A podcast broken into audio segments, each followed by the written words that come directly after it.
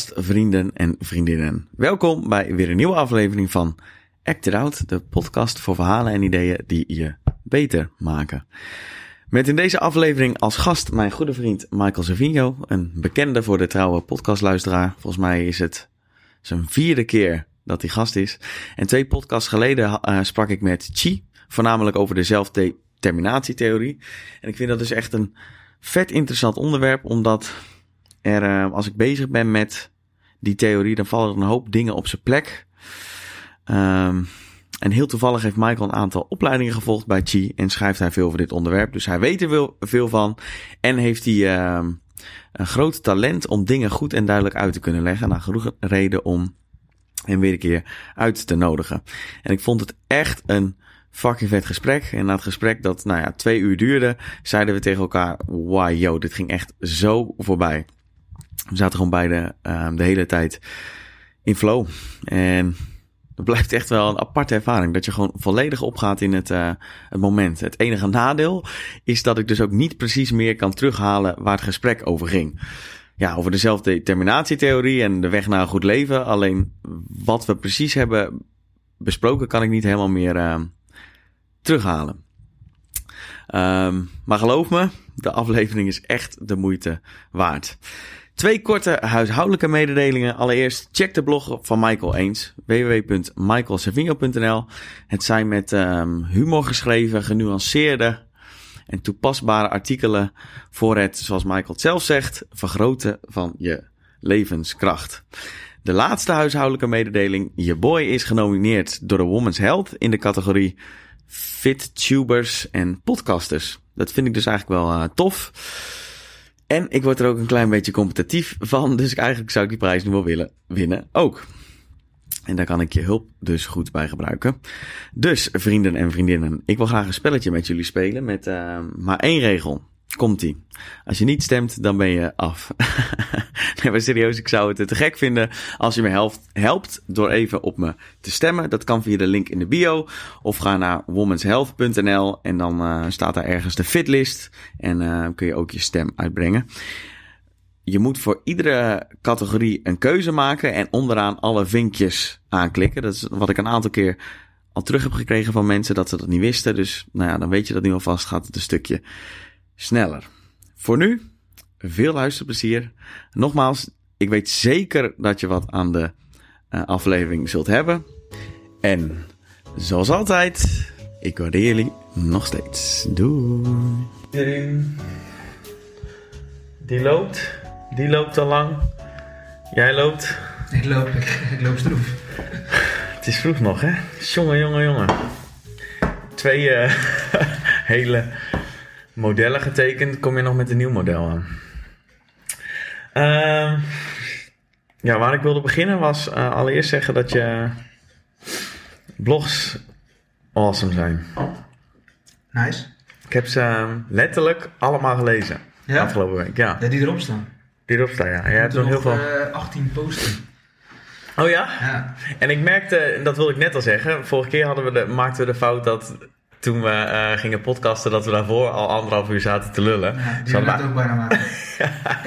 dat gingen we nu niet doen. Dus Ja. we hebben eigenlijk nog helemaal niks tegen elkaar gezegd. We beginnen gewoon gelijk. Ja. Ehm, nee, wat ik wilde zeggen is dat in de blogs die je nou, tot nu toe geschreven heb, daar zie ik de zelfdeterminatietheorie, die we vandaag uitgebreid gaan bespreken, die zie ik daar overal in terug. Ja. Dus ik kon mooi die model gebruiken om al je blogs aan op te hangen. Ja. Ehm, maar controleren.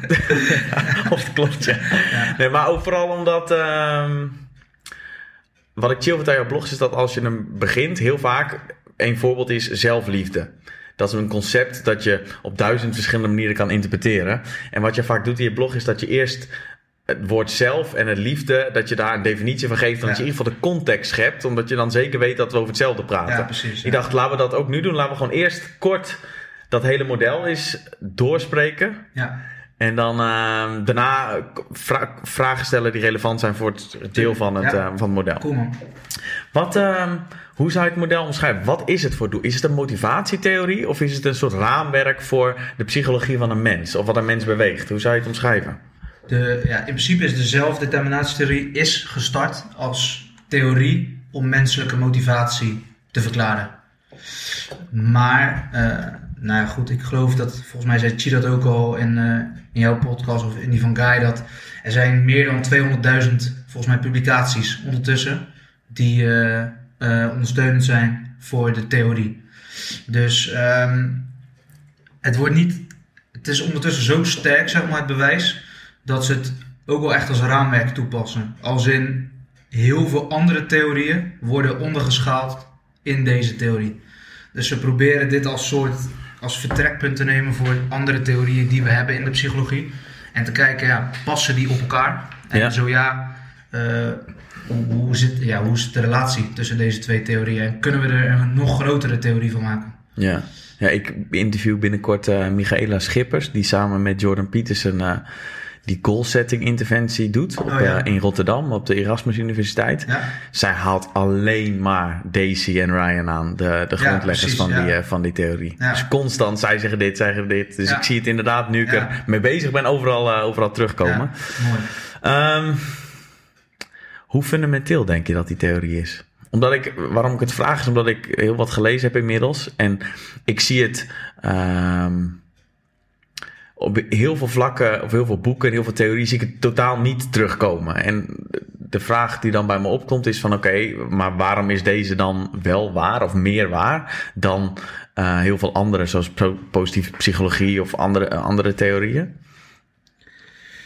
Ehm, nou, ik denk dat dit een theorie is die de American Dream grotendeels ontkracht. Omdat je hier, hier heel erg kijkt naar de haalbaarheid ook.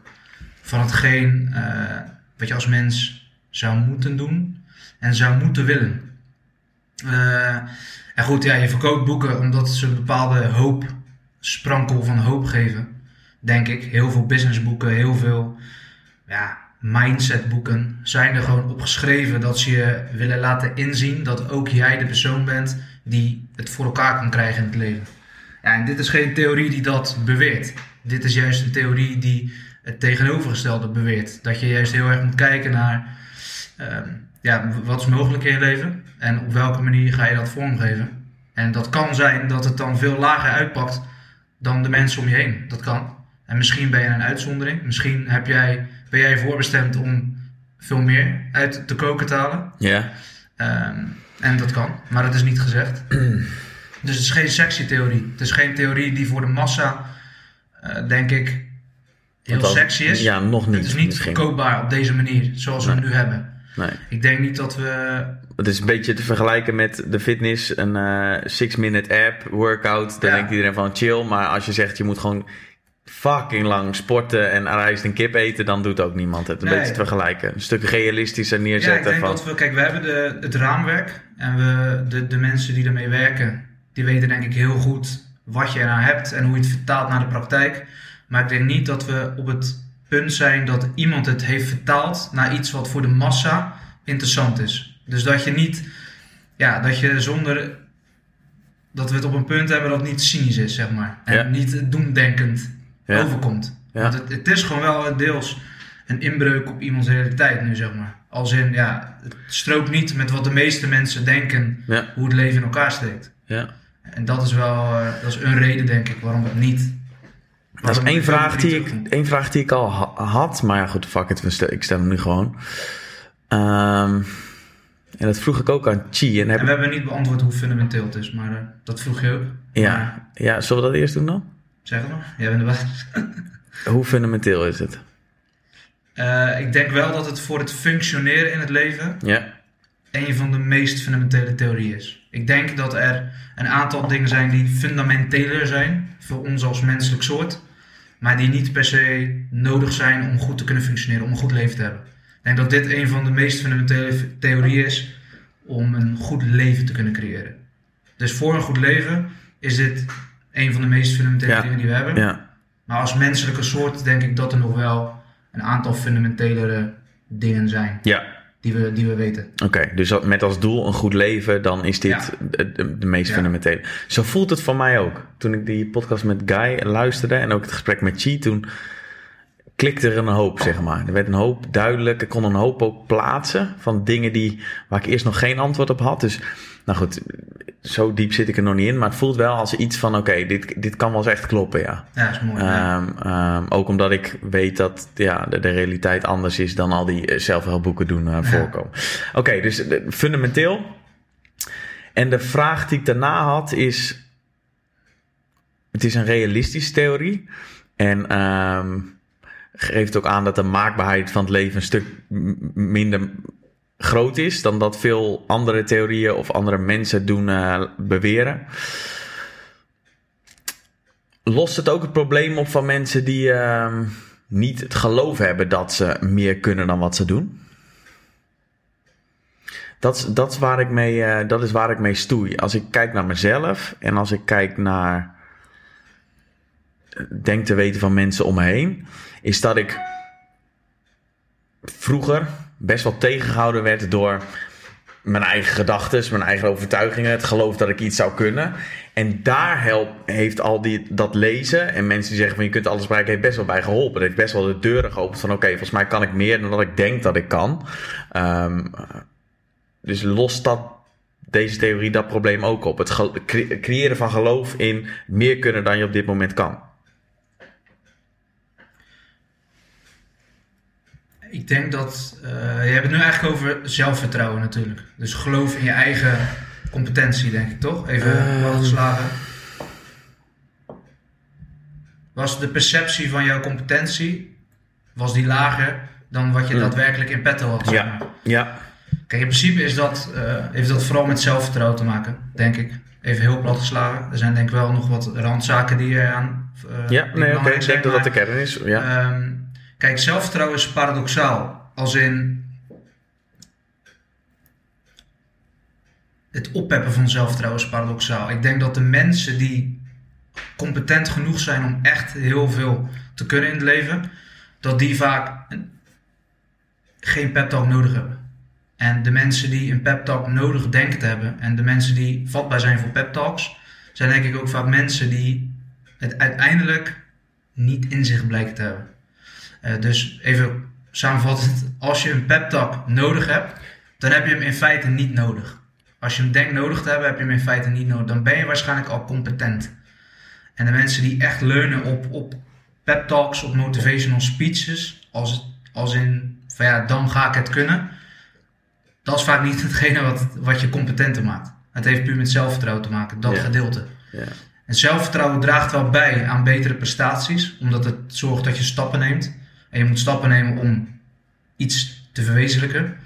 Maar het maakt je niet competenter. Het, ver- het vergroot geen competentie. Nee, maar eh, niet oké. Eens, helemaal mee eens. En ik, ook duidelijk. Alleen als je de stip op de horizon, als die al niet ha- haalbaar lijkt, dan zet je ook de eerste stapjes niet. Ja, dan zou je misschien de stip dichterbij zetten, zeg maar. En dan duurt het waarschijnlijk veel langer voordat je er bent. Ja. Maar intuïtief maak je het wel kleiner, denk ik. Dus als, je, als het bijvoorbeeld een eigen bedrijf niet haalbaar is, even in je hoofd, dan zou je misschien gewoon beginnen met bloggen voor jezelf. En als je dat een jaar hebt gedaan, dan laat je het keer iemand lezen. En dan nog iemand en dan nog iemand. En op een gegeven moment word je ervan overtuigd van, holy shit, meer mensen dan ik vinden dit vet. Misschien moet ik het toch maar een keer online zetten Ja. dan heb je het niet gelijk gedaan. Maar omdat je gewoon competent bent en dat gewoon stap voor stap bevestigd wordt, eh, groeit het zelfvertrouwen om dat te doen ooit. Ja. Dus dan heb je het niet vanaf dag 1 misschien, maar je bent altijd even competent geweest. En die speech, die, die bevestiging van je competentie, heeft er dan wel voor gezorgd dat je die stap neemt, maar het heeft je niet competenter gemaakt. Het heeft alleen de condities geschept wanneer je dan bepaalde stappen Ja. onderneemt, zeg maar. Maar eigenlijk had je die bevestiging nooit nodig gehad. Die competentie had je al. En er wordt heel vaak gehamerd op motivatie en op zelfvertrouwen. Maar we weten niet of het draagt niet bij aan competentie. Althans, zover we kunnen, zover Nee, we weten, Nee. draagt het niet bij, zeg maar. Weet je, dus waarschijnlijk als jij nooit eh, die boeken had gelezen, is het lastig om te zeggen of je dan nu meer of minder had gedaan. Hmm. Want misschien in plaats van lezen had je dan geschreven of gepodcast, nooit gepubliceerd, maar jaren later kwam je erachter dat anderen het ook tof vonden. Heb je het gewoon online geramd en ben je even ver als nu, zeg maar. Ja. Alleen, het is mijn assumptie dat het lezen van die boeken heeft gezorgd voor eh, meer geloven in mijn competentie. Ja. Dat, is de, dat is een aanname. Die, Ja. die weet niet of die klopt. Misschien is het wel gewoon volwassen worden En het feit en dat, shit doen. ja, ja, en het feit dat jij het ook bent gaan doen en steeds meer bent gaan doen, is het bewijs dat je waarschijnlijk al altijd die competentie had. Als je niet competent bent, kan je gewoon niet, is op een gegeven moment je grens daar. Dan kan je niet meer blijven doen. Dan is op een gegeven moment is de rek eruit en dan is het wat het is. ja, Zeg maar, dat, dat is natuurlijk ook wel eh, ja.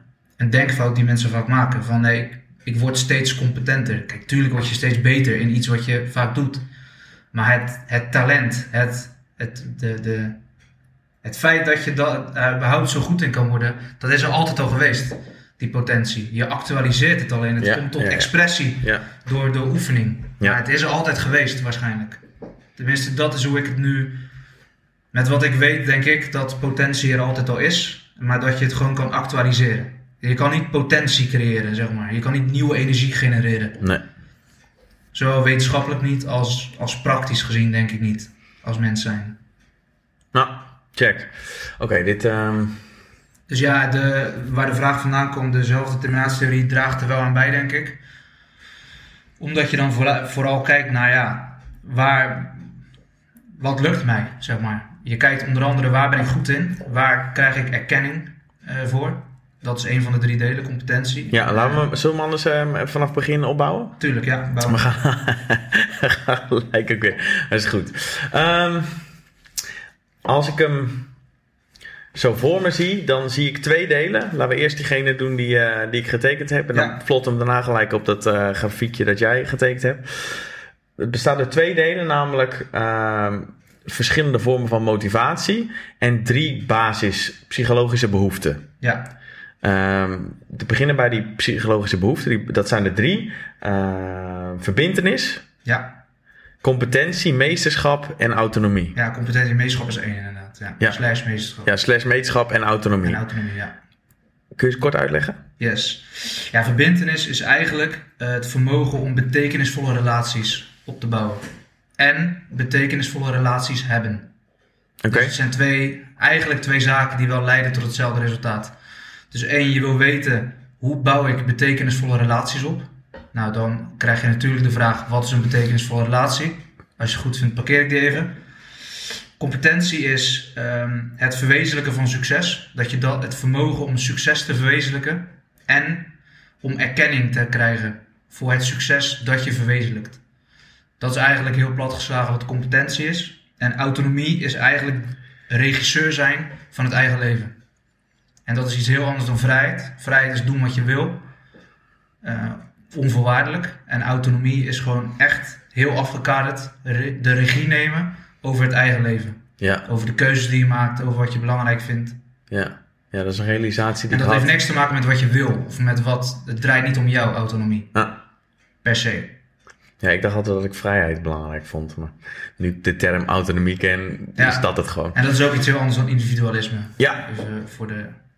Ehm, ja, omdat je heel autonoom met andere mensen om kunt gaan. Ja, je kan, je, je Voor kan kiezen. een groep dienen. Ja. En als je dat volledig accepteert en het als normaal beschouwt, dan. eh, Zolang er maar die beslissing vanuit jezelf Precies, ja. komt. Dus autonomie heeft ook heel veel met vrijwilligheid te maken. Ja. Is het vrijwillig wat je doet?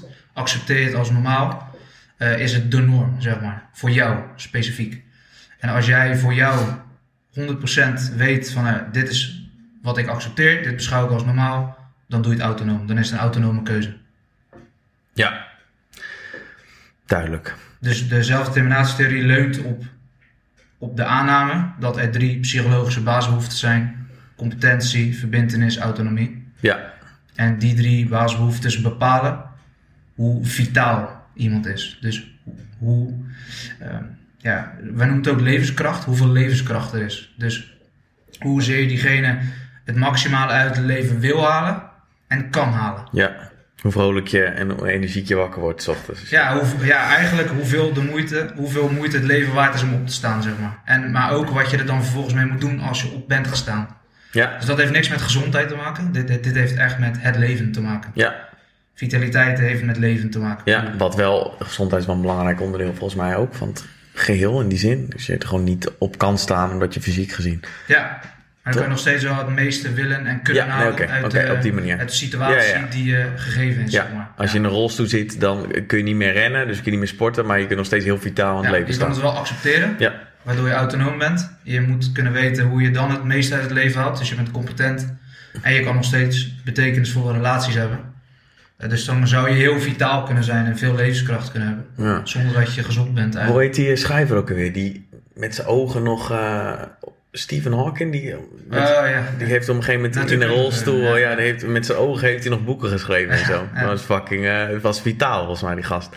Oké, dus dat zijn de drie basispsychologische behoeften. Dat zijn eigenlijk de drie pijlers. Oké, Ja. en dan hebben we... Laat me dan doorpakken op jouw ehm, eh, grafiek. Hoe dus je, zeg maar die drie pijlers, even om het af te maken, die bepalen, tenminste de aanname is, en op zich een sterke aanname ondertussen, dat die drie basisbehoeftes, in hoeverre die gefrustreerd of bevredigd worden, dat bepaalt waar je eigenlijk, wat voor motivatiesoort eh, jouw leven drijft. Oké, Oké, dat is nice. Dit, dit Dus het onderscheidt... type motivatie dat jij bijdraagt als persoon, dat jou door het leven heen beweegt, dat wordt eigenlijk bepaald door in hoeverre die drie basisbehoeftes gefrustreerd of bevredigd worden. Oké. Dus ons gedrag is te verklaren aan de hand van de mate waarin er in die drie basisbehoeften wordt voorzien. Ja, juist. Oké. Ja. En dan- bepaalt wat voor motivatiesoort. Ja, Ja. dit is iets wat Chi ook al tegen me zei. Een mooi onderscheid, dan kunnen we erop doorgaan. Je hebt het over frustratie en bevrediging. Ik, een korte Engelse quote. Er staat hier: Satisfaction is strongly linked with vitality, whereas need frustration predicts motivational depletion. Ja. Kun je het onderscheid maken of uitleggen tussen die eh, frustratie en bevrediging? Ja.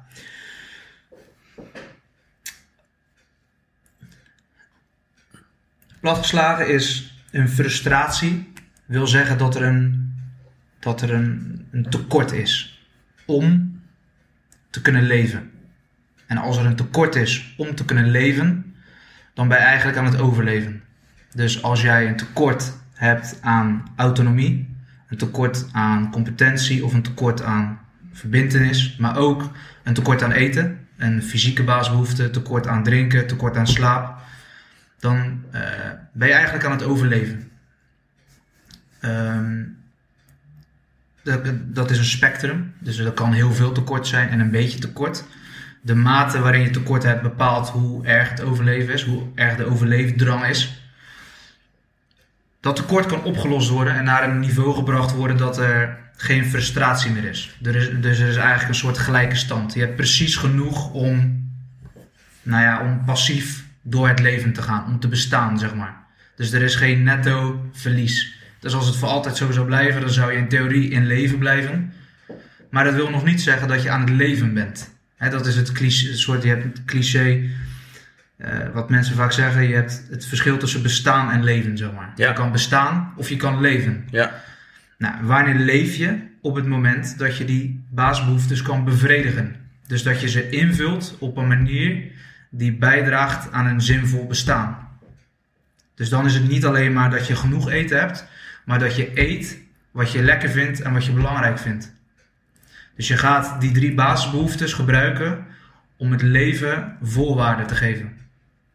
Ja, oké, check. Dus die basisbehoeftes, dat is een hele belangrijke om te vermelden, denk ik. Dat die basisbehoeftes zijn onvoorwaardelijk en ze stellen de voorwaarden van het leven. Oké. Dus dat betekent dat het leven geeft je vorm en richting Ja. aan de hand van die basisbehoeftes. Ja. Dan- dus het zijn voorwaarden voor het leven. Ja. En op het moment dat je dat goed kan doen en je doet dat nou ja, lang genoeg en je doet dat consistent, dan zie je dat je niet alleen maar stopt met overleven, maar dat je, en dat je niet alleen stopt met bestaan, maar dat je gaat leven. En dan genereer je levenskracht. Dan heb je de wil om te leven, om het maximale uit het leven te halen. En je weet ook hoe het kan, hoe je dat moet doen. Ja. Ja. En dat is eigenlijk het, het grote verschil tussen een frustratie en een bevrediging. Een bevrediging zorgt voor leven en een frustratie zorgt voor overleven. Ja. En da- daartussenin is het bestaan. Zijn er cijfers bekend van eh, de hoe- percentage mensen dat ehm, echt nog in die frustratiehoek zit? En hoeveel mensen er ook echt daadwerkelijk aan het leven zijn. Ik ben er echt heel nieuwsgierig naar. Ja. Van wat is de- wat is de voorbeeld van iemand die echt leeft, zeg maar. Dus die echt bevredigd wordt in die drie. Ik, ik kan me een aantal mensen uit mijn omgeving, kan ik daar, die kan ik bedenken van nou, die zijn echt aan het leven. Maar er, hangt de rest er een beetje tussenin of is het... Ja, ik, heb, ik weet geen cijfers. Alleen, kijk, we weten wat de consequenties zijn van een overleefstand. Eh, reactiviteit, passiviteit, eh, luiheid, eh, weet je, slecht humeur. eh, weet je, gewoon allemaal stress, Ja. negatieve stress, laat ik het zo zeggen. Eh, gewoon de passiviteit waarmee veel mensen leven, zeg maar. En is wel echt een sterk symptoom van overleefstand. ja. En eh, ik weet niet hoeveel mensen dat zijn. Maar even, als ik het off the record zou moeten zeggen, dan zou mijn, eh, mijn, mijn antwoord zijn fucking veel. ja. Zeg maar. En nu, nu, off, the, off the record. Uh, maar nu begin ik ook, nu kan ik um, duiden waarom het zo fundamenteel is om dit te snappen. Ja. En, en niet alleen te snappen, maar er ook vervolgens iets praktisch mee te doen. Ja. En eens kritisch naar je eigen Ja. leven te kijken. Kijk, en het grote verschil is om een mooi voor, concreet voorbeeld te geven. Heel veel mensen zijn bezig met gezondheid. Ehm, maar als we, dit, als, we, als we dit raamwerk aanhouden, zelfdeterminatietheorie, en tussen overleven en leven, het spectrum daartussen eh, onszelf moeten inzetten, dan is de kant van leven betekent dat het leven betekenis heeft, dat, dat je een zinvol bestaan hebt. Op het moment dat je in de overleefstand zit en je houdt je bezig met gezondheid, met welke reden hou jij je dan bezig met gezondheid? Want als je aan het overleven bent, heb je geen zinvol bestaan. En als het bestaan niet zinvol heeft, wat heeft het dan voor zin om gezond te zijn? Ja, ja, goede vraag. En volgens mij is dat ook. Ik heb ooit een eh, stukje geschreven op Instagram. Ehm, ik las dat mensen eerder geneigd zijn om de medicijnen van hun hond wel te geven, Ja. maar van hunzelf niet. Dat is Ja. volgens mij dit. Ja. Als, het, als je het leven niet zinvol vindt, waarom Precies. zou je jezelf de medicijnen Ja. toedienen? En dat is natuurlijk de, de, dat mensen eerder voor een hond zorgen dan voor zichzelf. Dat is natuurlijk totaal uit verband gerukt. Want het is alleen maar dat mensen die geen zinvol bestaan hebben, hun hond beter verzorgen dan zichzelf. Als jij gewoon een zinvol bestaan hebt, Dan neem je die medicijnen. dat is inherent aan het feit dat jij jezelf het best verzorgt als eerst. En daarna je partner, daarna je kinderen, daarna je familie, daarna je gemeenschap, daarna je land, daarna de wereld, daarna de natuur. Maar zeg maar. Is, oké, dus je zegt als je een zinvol bestaan Hebt. hebt, dan zet je jezelf altijd op één. En niet per se jezelf, maar datgene wat voor jou het belangrijkste is. Oké. En als jij bijvoorbeeld je in wilt zetten voor de natuur en voor nou, bepaalde doelen in het leven, bepaalde waarden, dan heb je jezelf wel nodig om dat, om dat tot expressie te laten komen. Ja, dus je moet jezelf in leven houden, je moet jezelf verzorgen. Ja. Je moet de condities blijven scheppen om dat eh, tot expressie te laten komen. Ja. En dan ga je jezelf niet verwaarlozen. Kijk, als jij eh, slechte hygiëne, slechte gezondheid hebt, dat zijn gewoon symptomen van mensen in de overleefstand. We, we, we, kunnen wel heel duidelijk zeggen dat mensen die echt aan het leven zijn, zichzelf ook goed verzorgen. Dus een goede hygiëne hebben, goede gezondheid hebben. En niet per se altijd goede gezondheid, want je kan ook ziek zijn waar je niks aan kan doen. Maar in ieder geval wat, datgene wat binnen controle is, wat, waar jij controle op uit kan oefenen. Ja, niet je- moddervet gewoon. We een beetje ja. naam Ja, dat de geven. meeste mensen Ja. inderdaad niet eh, dat laten verslonzen. Ja. En dat is ook bijvoorbeeld, Dat obesitas is een ander goed voorbeeld. Heel veel mensen die obese zijn, ja, niet allemaal, maar wel een groot deel. Eh, als je daar, obesitas is geen gezondheidsprobleem, het is een vitaliteitsprobleem. Het is een levensprobleem. Geen, het heeft niks met gezondheid mee te maken. Ja. Het heeft echt te maken met het bestaan. Ja. Eh, heeft het voor die mensen zin om niet meer obese te zijn? Dat is een, echt een Ja. goede vraag die veel Ja. mensen niet kunnen beantwoorden. En dat is precies de reden waarom ik stopte met online coaching op gebied van eh, voeding en sport. Omdat ik op een gegeven moment achterkwam dat het veel dieper gaat bij de meeste mensen. Ja. En ook dat ik mijn voeding en zo is belangrijk, maar ook weer niet zo heel belangrijk. Er zijn gewoon echt dingen die fundamenteler zijn en Ja, belangrijker zijn dan dit. hiërarchie, echt wel. Heb je het trouwens koud of niet? Ik vind het behoorlijk fris. Ik ben even de... Dat is een understatement. Vind je echt koud? Ja, ik zit het Ik heb bijna een vibrato in mijn stem. eh. hij staat op vijf gewoon. Ik voel het wel een soort van... eh, Godverdomme joh, dat is helemaal niet comfortabel. Ik dacht dat je de airco had aangezet. Jezus. Nee, het valt wel mee. Wat wel goed. Nou, ik hoop dat die... eh, nu staan ze allebei op Handen vijf. zijn een paar schoenen. Ik wou net maar- zeggen, je hebt koud, jongen. Oké. Ehm, er is dus een verschil tussen overleven en leven. Ja. Je percentages weet je niet, maar...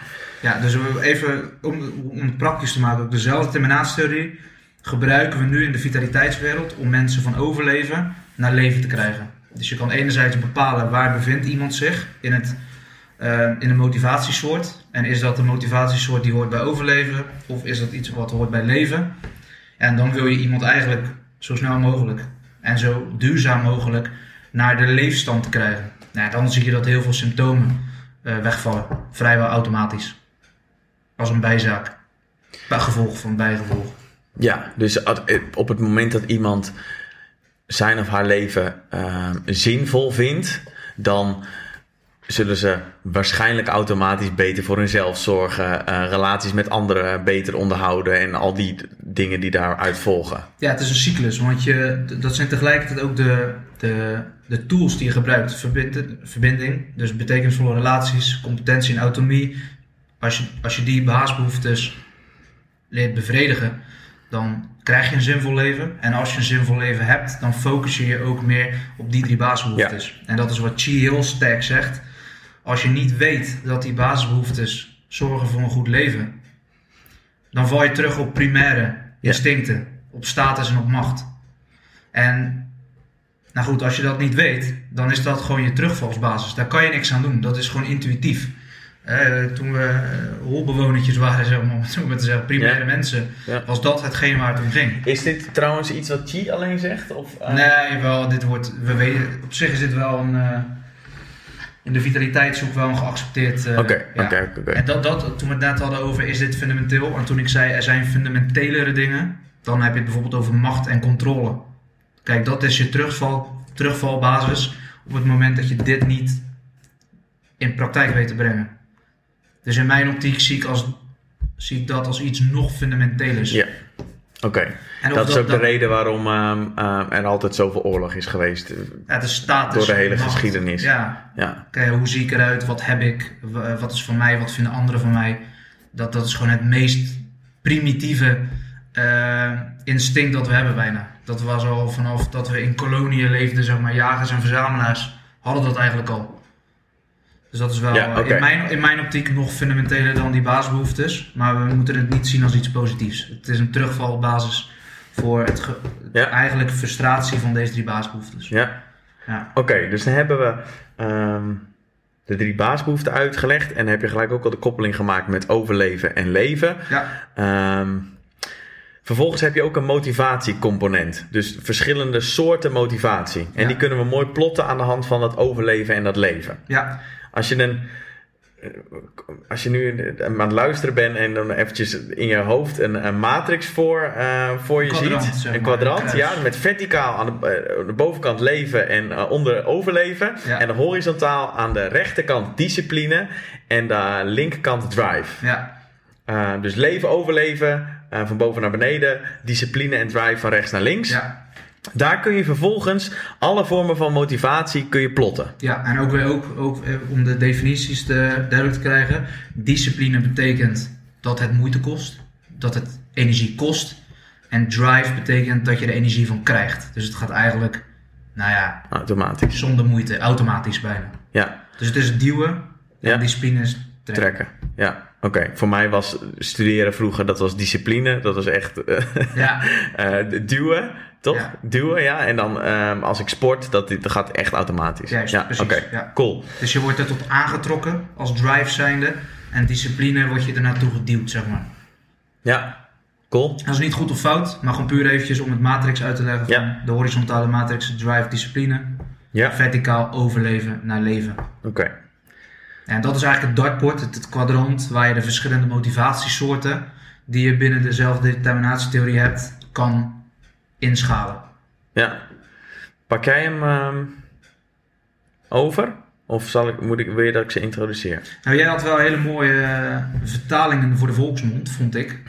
En dan kunnen we In plaats misschien... van eh, geïdentificeerde, ja, nee, ja, gewoon, regulatie. Ik vond eh, leuke vertalingen en dan kan ik misschien wat context cool, geven over cool. wat, ze, wat ze betekenen. Ehm, de, minst handige vorm van motivatie is amotivatie. En Ja. dat in, in dit model staat inactiviteit en passiviteit. Ja. Ja, aanmotivatie is gewoon eigenlijk dat je nergens, dus eh, passiviteit, inactiviteit is gewoon dat je nergens het nut van inziet. Dus als iemand tegen je zegt, ik sport, dat je denkt van ja, waarom de fuck zou ik sporten? Gewoon dat je echt ervan overtuigd bent dat heel veel dingen geen nut hebben. ja. En wat ik wel grappig vond om te zien in het model is dat dat uiting krijgt door onzekerheid, faalangst, weerstand, apathie. Ja, En dat is wel iets wat veel mensen zullen herkennen. ja denk ik wel. Ik denk het wel. Ja. Ah. Hey, ik, ik was zelf toevallig, eh, was ik gisteren, eh, hè, als, de, als de sociale wezen wat ik ben, zat ik alleen op de bank heel de avond in het donker Nice te lezen. Eh, en, God, over... eh, en toen positieve mensen over, gesproken. eh, over nihilism.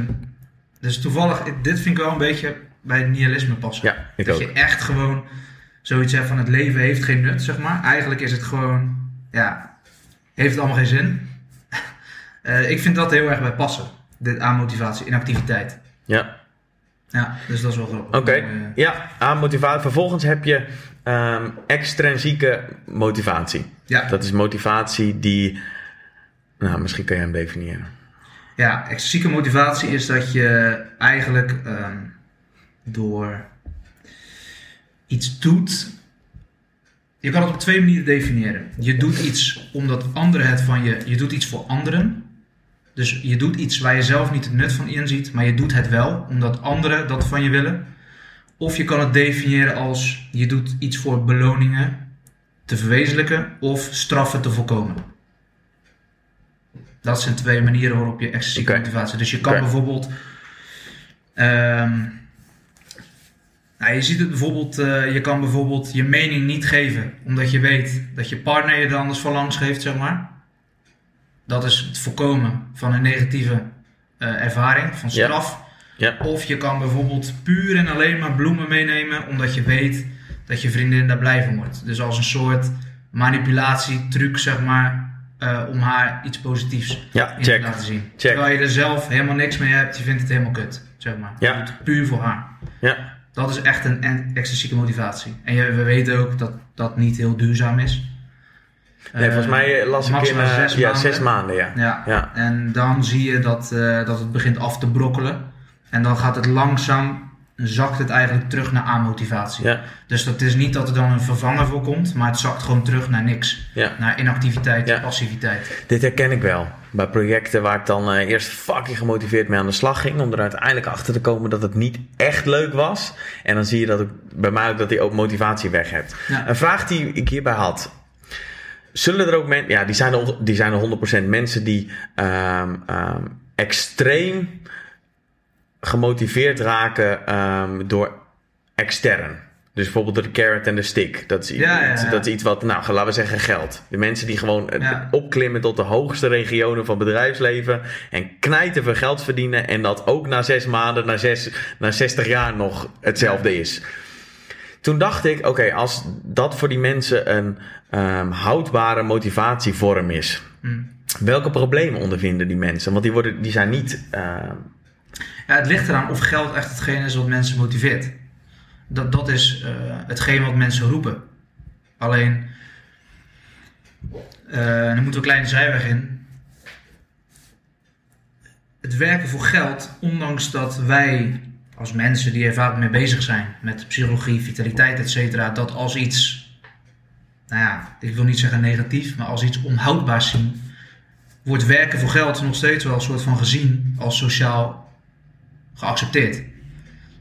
Eh, waarom zeg ik dit? Is omdat het werken voor geld roepen veel mensen ook gewoon omdat het sociaal geaccepteerd is. Het is gewoon een makkelijk antwoord.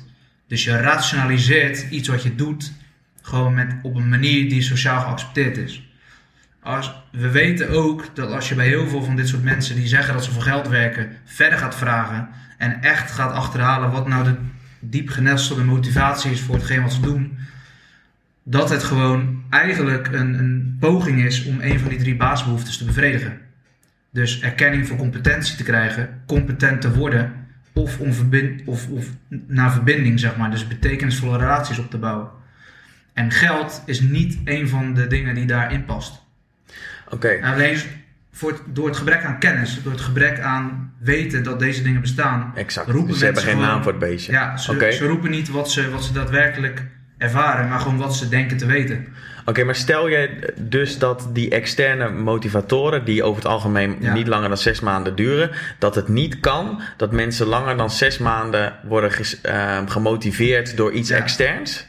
Nou, ik denk dat het misschien wel kan, hè? maar in de meeste gevallen zie je dat het niet houdbaar is. Dat het wel een, zeg maar een houdbaarheidsdatum van plus minus zes maanden heeft. En dat kan bij sommige mensen drie maanden zijn, bij sommige mensen kan het een jaar zijn.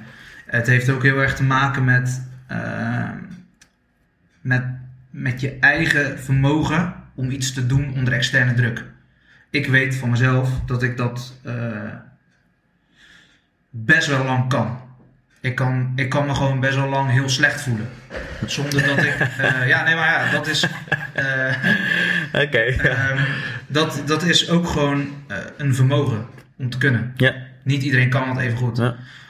en dat is niet per se positief ook weer, of negatief. Maar het heeft ook te maken, het is afhankelijk van met wie je te maken hebt. Maar even, ik denk ook eh, dat het vooral een, een mooie richtlijn is om aan te houden.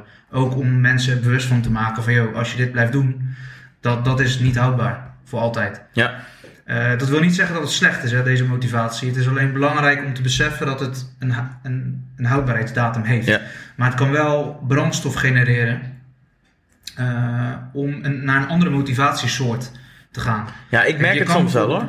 Je kan bijvoorbeeld starten met trainen omdat je ook een bad boy wil zijn. Omdat Ja. je ook een kast wil worden. Maar terwijl je aan het trainen bent, merk je ook dat je je veel beter gaat voelen. Dat je eh, in een community rolt en ineens relaties opbouwt. Dat mensen het tof vinden dat je iets verwezenlijkt in je leven. En dan ineens zie je dat de community zorgt voor betekenisvolle relaties. Complimenten zorgt voor competentie. Ja. Dan ben je dus stiekem heel onbewust naar een andere motivatiesoort aan het gaan. Dan ben je naar leven aan het gaan. Ja. Terwijl je ooit begon met trainen voor het overleven. Voor puur en alleen maar voor externe motivatie. Ja. Is dit eh, de vraag die gelijk bij me opkomt? Hoe kom je hierachter? Hoe, eh, hoe kwam jij achter dit soort dingen? Van oké, waar word ik door, door gemotiveerd? Om jezelf gewoon puur die vraag te stellen, op, op te schrijven? Of?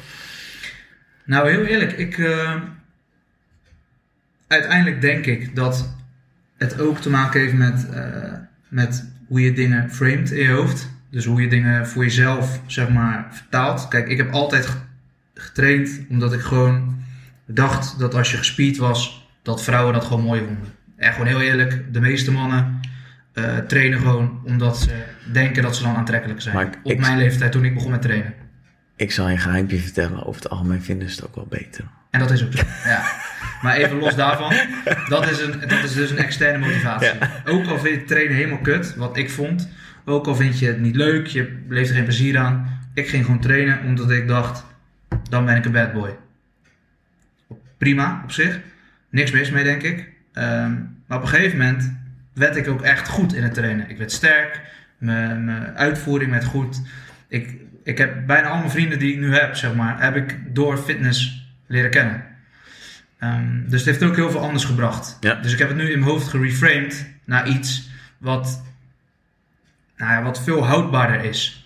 Het zorgt ervoor dat ik, eh, weet je, ik heb betekenisvolle relaties onderhoud ik met trainen. Weet je, het heeft heel veel, het is instrumenteel geworden voor heel veel andere dingen. Maar dus als jij nu naar de ehm, gym gaat, dan bedenk jij bij jezelf, trainen is goed, want daar heb ik heel veel van mijn vrienden door ontmoet en dat geeft me heel veel betekenisvolle Nou, niet per se op zo'n directe manier, maar het zorgt er wel voor dat ik eh, het niet alleen maar meer zie als iets wat ik doe voor iemand anders, zeg maar. Dat doe ik nu ook niet meer, eerlijk gezegd, want eh, nou goed, op, op een gegeven moment is die motivatie dus gewoon weg. Dan merk je dat het niet alles is en Ja. dan hebt dat weg. Maar wat er overblijft is wel het besef van ja, het heeft ook heel veel andere dingen gebracht. En ondertussen weet ik wel echt wat ik aan het doen ben. Dus het trainen in zichzelf is ook leuker geworden. ja. Maar het heeft bij mij wel echt gewoon heel lang geduurd. ja. Vind je het ehm, leuk? Nou, ik moet zeggen, ik vind het sinds kort weer leuk. En tot kort geleden train ik echt puur en alleen maar omdat ik rationeel weet dat ik me er beter door voel. Ja, Maar sinds kort heb ik best wel weer een beetje de motivatie, eh, de intrinsieke motivatie, Ja. echt. het leuk vinden van trainen zelf. Ja, nou, misschien eh, kunnen we dan een bruggetje gelijk maken naar die andere drie vormen van... eh, of was je hier, wil je hier nog wat over zeggen? Nee, over die externe? dat het, je externe motivatie voel je vooral niet schuldig om door externe factoren gedreven te worden. Besef alleen dat het houdbaar is. En ik denk dat je moet plotten van hoe ga ik dit nu gebruiken? Deze, de brandstof goeie. die ik nu heb, hoe ga ik gebruik, dat gebruiken om door te zetten naar iets wat houdbaarder is? Zoals ik bijvoorbeeld die eerst puur voor vrouwen trainde en ondertussen gewoon het trainen leuk vind omdat ik er goed in ben geworden. Of omdat ik, er, omdat ik weet dat ik de mensen die in de sportschool zijn chill vind. Ja, En dat is ook waarom ik het ook weer leuk aan te vinden ben. Ik zie gewoon mensen die keihard aan het trainen zijn, die sterker dan ik zijn, die gespierde zijn. En dat geeft gewoon een ja, lekkere. Ja, competitieve ja, eh, omgeving. Vind ik zelf gewoon heel leuk. En ik ga met mensen praten. Deed ik nooit in mijn oude sportschool, eh, waar ik tot kort geleden trainde. Dus het kan ook heel veel andere dingen brengen. En dat bedoel ik van. Je kan het ook reframen. Ja. In je hoofd. Eh, kijk om je heen. Wees je bewust. Wat brengt het je nog meer? Eh, het is vaak meer dan alleen maar datgene waarvan jij denkt dat het je motiveert. In de meeste gevallen. Als het zo is dat je al maanden dat doet. Oké, dus je zegt, eh, als je dan naar de situatie kijkt, of de, de motivatie achter waarom je iets doet, ook jezelf afvraagt, wat brengt het nog meer? Ja, Oké, vraag bijvoorbeeld waar blijkt het uit dat ik het alleen voor vrouwen doe?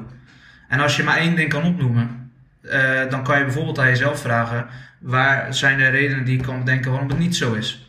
En dan ineens kijk je naar de situatie van: oh ja, ja, die mensen waar ik elke dag mee praat, stel dat ik nu stop met trainen, dan heb ik gewoon 90% minder sociaal contact. ja. Ja, Dat, er zijn ineens heel veel dingen die dan ook wegvallen. Niet alleen maar het vrouwengedeelte in mijn situatie toen. En toen werd ik me wel bewust van, volgens mij is het ook wel meer. Ja. Ik heb mezelf ook gewoon lang wijs gemaakt dat ik het alleen voor vrouwen deed. Is toch Socratisch redeneren wat je net deed? Ja, Ja, ja. Zo'n vakje gekeken. ook wel mooi. Wel goed, hè? Ja. Ehm, ehm, Oké, en hoe kunnen we dit nou plotten? We hebben het gehad over die A-motivatie en die externe ehm, eh, motivatie. ja, Iets te- buiten jezelf. Hoe kunnen we dat nou plotten op dat overleven en dat leven? Ja, dit is puur overleefstand eigenlijk. Als je, als je passief bent, als je inactief bent, dan ben je zwaar aan het overleven. Dan ben je op de onderste rang van de, van de matrix, zeg maar. Ja. Ehm, ben je extern gemotiveerd, dan ben je ook nog steeds in de overleefstand. Als je puur extern gemotiveerd wordt. Dus als je puur traint voor vrouwen, als je puur eet omdat je er goed uit wil zien voor vrouwen, omdat je als je je haar op een bepaalde manier doet voor vrouwen, als je bepaalde taal gebruikt voor vrouwen, als alles daaromheen, Ja. zeg maar, wat je doet, wat je, Ja. wat je aan hebt, wat je leuk vindt, gemotiveerd wordt door bijvoorbeeld omdat je goed in de, in de smaken vallen bij vrouwen, dan ben je puur extern gemotiveerd en dan ben je aan het overleven. En om het dan scherp, om dat helemaal scherp te krijgen voor mezelf. Op het moment dat je het alleen maar doet voor anderen, doet dat af aan je autonomie. Ja, Want je, je laat je dus afhangen van iemand anders. per definitie. En hoe verhoudt zich dat tot competentie en... eh, Nou, je kan geen betekenisvolle relaties opbouwen. Want je wordt niet gemotiveerd. Je bent niet, ten eerste, je bent niet jezelf. Eh, betekenisvolle relaties is onder andere omdat je elkaars autonomie vergroot. En omdat jij puur extern gemotiveerd wordt. Eh, dat is een inperking op je autonomie. Dus dat, dat schept al niet de condities die nodig zijn voor een betekenisvolle relatie. En competentie. Kijk, als jij puur en alleen maar doet wat anderen van je willen, of wat je- waarvan jij denkt dat anderen het van je willen, dan kan je nooit echt ergens goed in worden waar jij, wat jij belangrijk vindt. Dus ook de erkenning die je krijgt, wat wel een deel is van competentie, is niet waardevol voor je. Want je Ja. krijgt erkenning voor iets wat eigenlijk puur een externe motivator is. Ja, Dus je ja kan maar je, krijgt erkenning voor iets wat, wat je eigenlijk waar je extern gedreven ja, door wordt, ja, ja, zeg maar. Dus die ja. vrouwen, die vrouwen, ik ga echt comments krijgen. Zo bedoel ik het niet, ik bedoel het, de vrouwen, waar, die verdomde vrouwen, Eh, Die goddelijke de vrouwen wezens, ja. waar jij door gemotiveerd wordt, de externe factor, Ja. eh, is niet iets wat eh, intrinsiek is. ik moet zo... Ik moet Oké. Oh, er komen in één keer allemaal eh, Top. Verhalen op, oké, sorry. Ehm, ja, dus ik weet niet meer wat ik zeg. Ik ben gestopt bij die vrouw. Oké, Nee, je dus, kunt geen omdat vrouwen inderdaad de, de externe factor is, ook al krijg je de erkenning van, dus ook al krijg je heel veel erkenning van vrouwen en je hebt alle vrouwen van de wereld, eh, zal het nooit voldoening geven, omdat het de vrouwen aan zich een externe motivator is. En competentie en erkenning van competentie werkt alleen maar als je één, als het een autonome keuze is, en twee, als het intrinsiek is. Ja, Of in ieder geval als het gekoppeld is aan iets wat voor jou specifiek echt belangrijk is. ja. Hmm.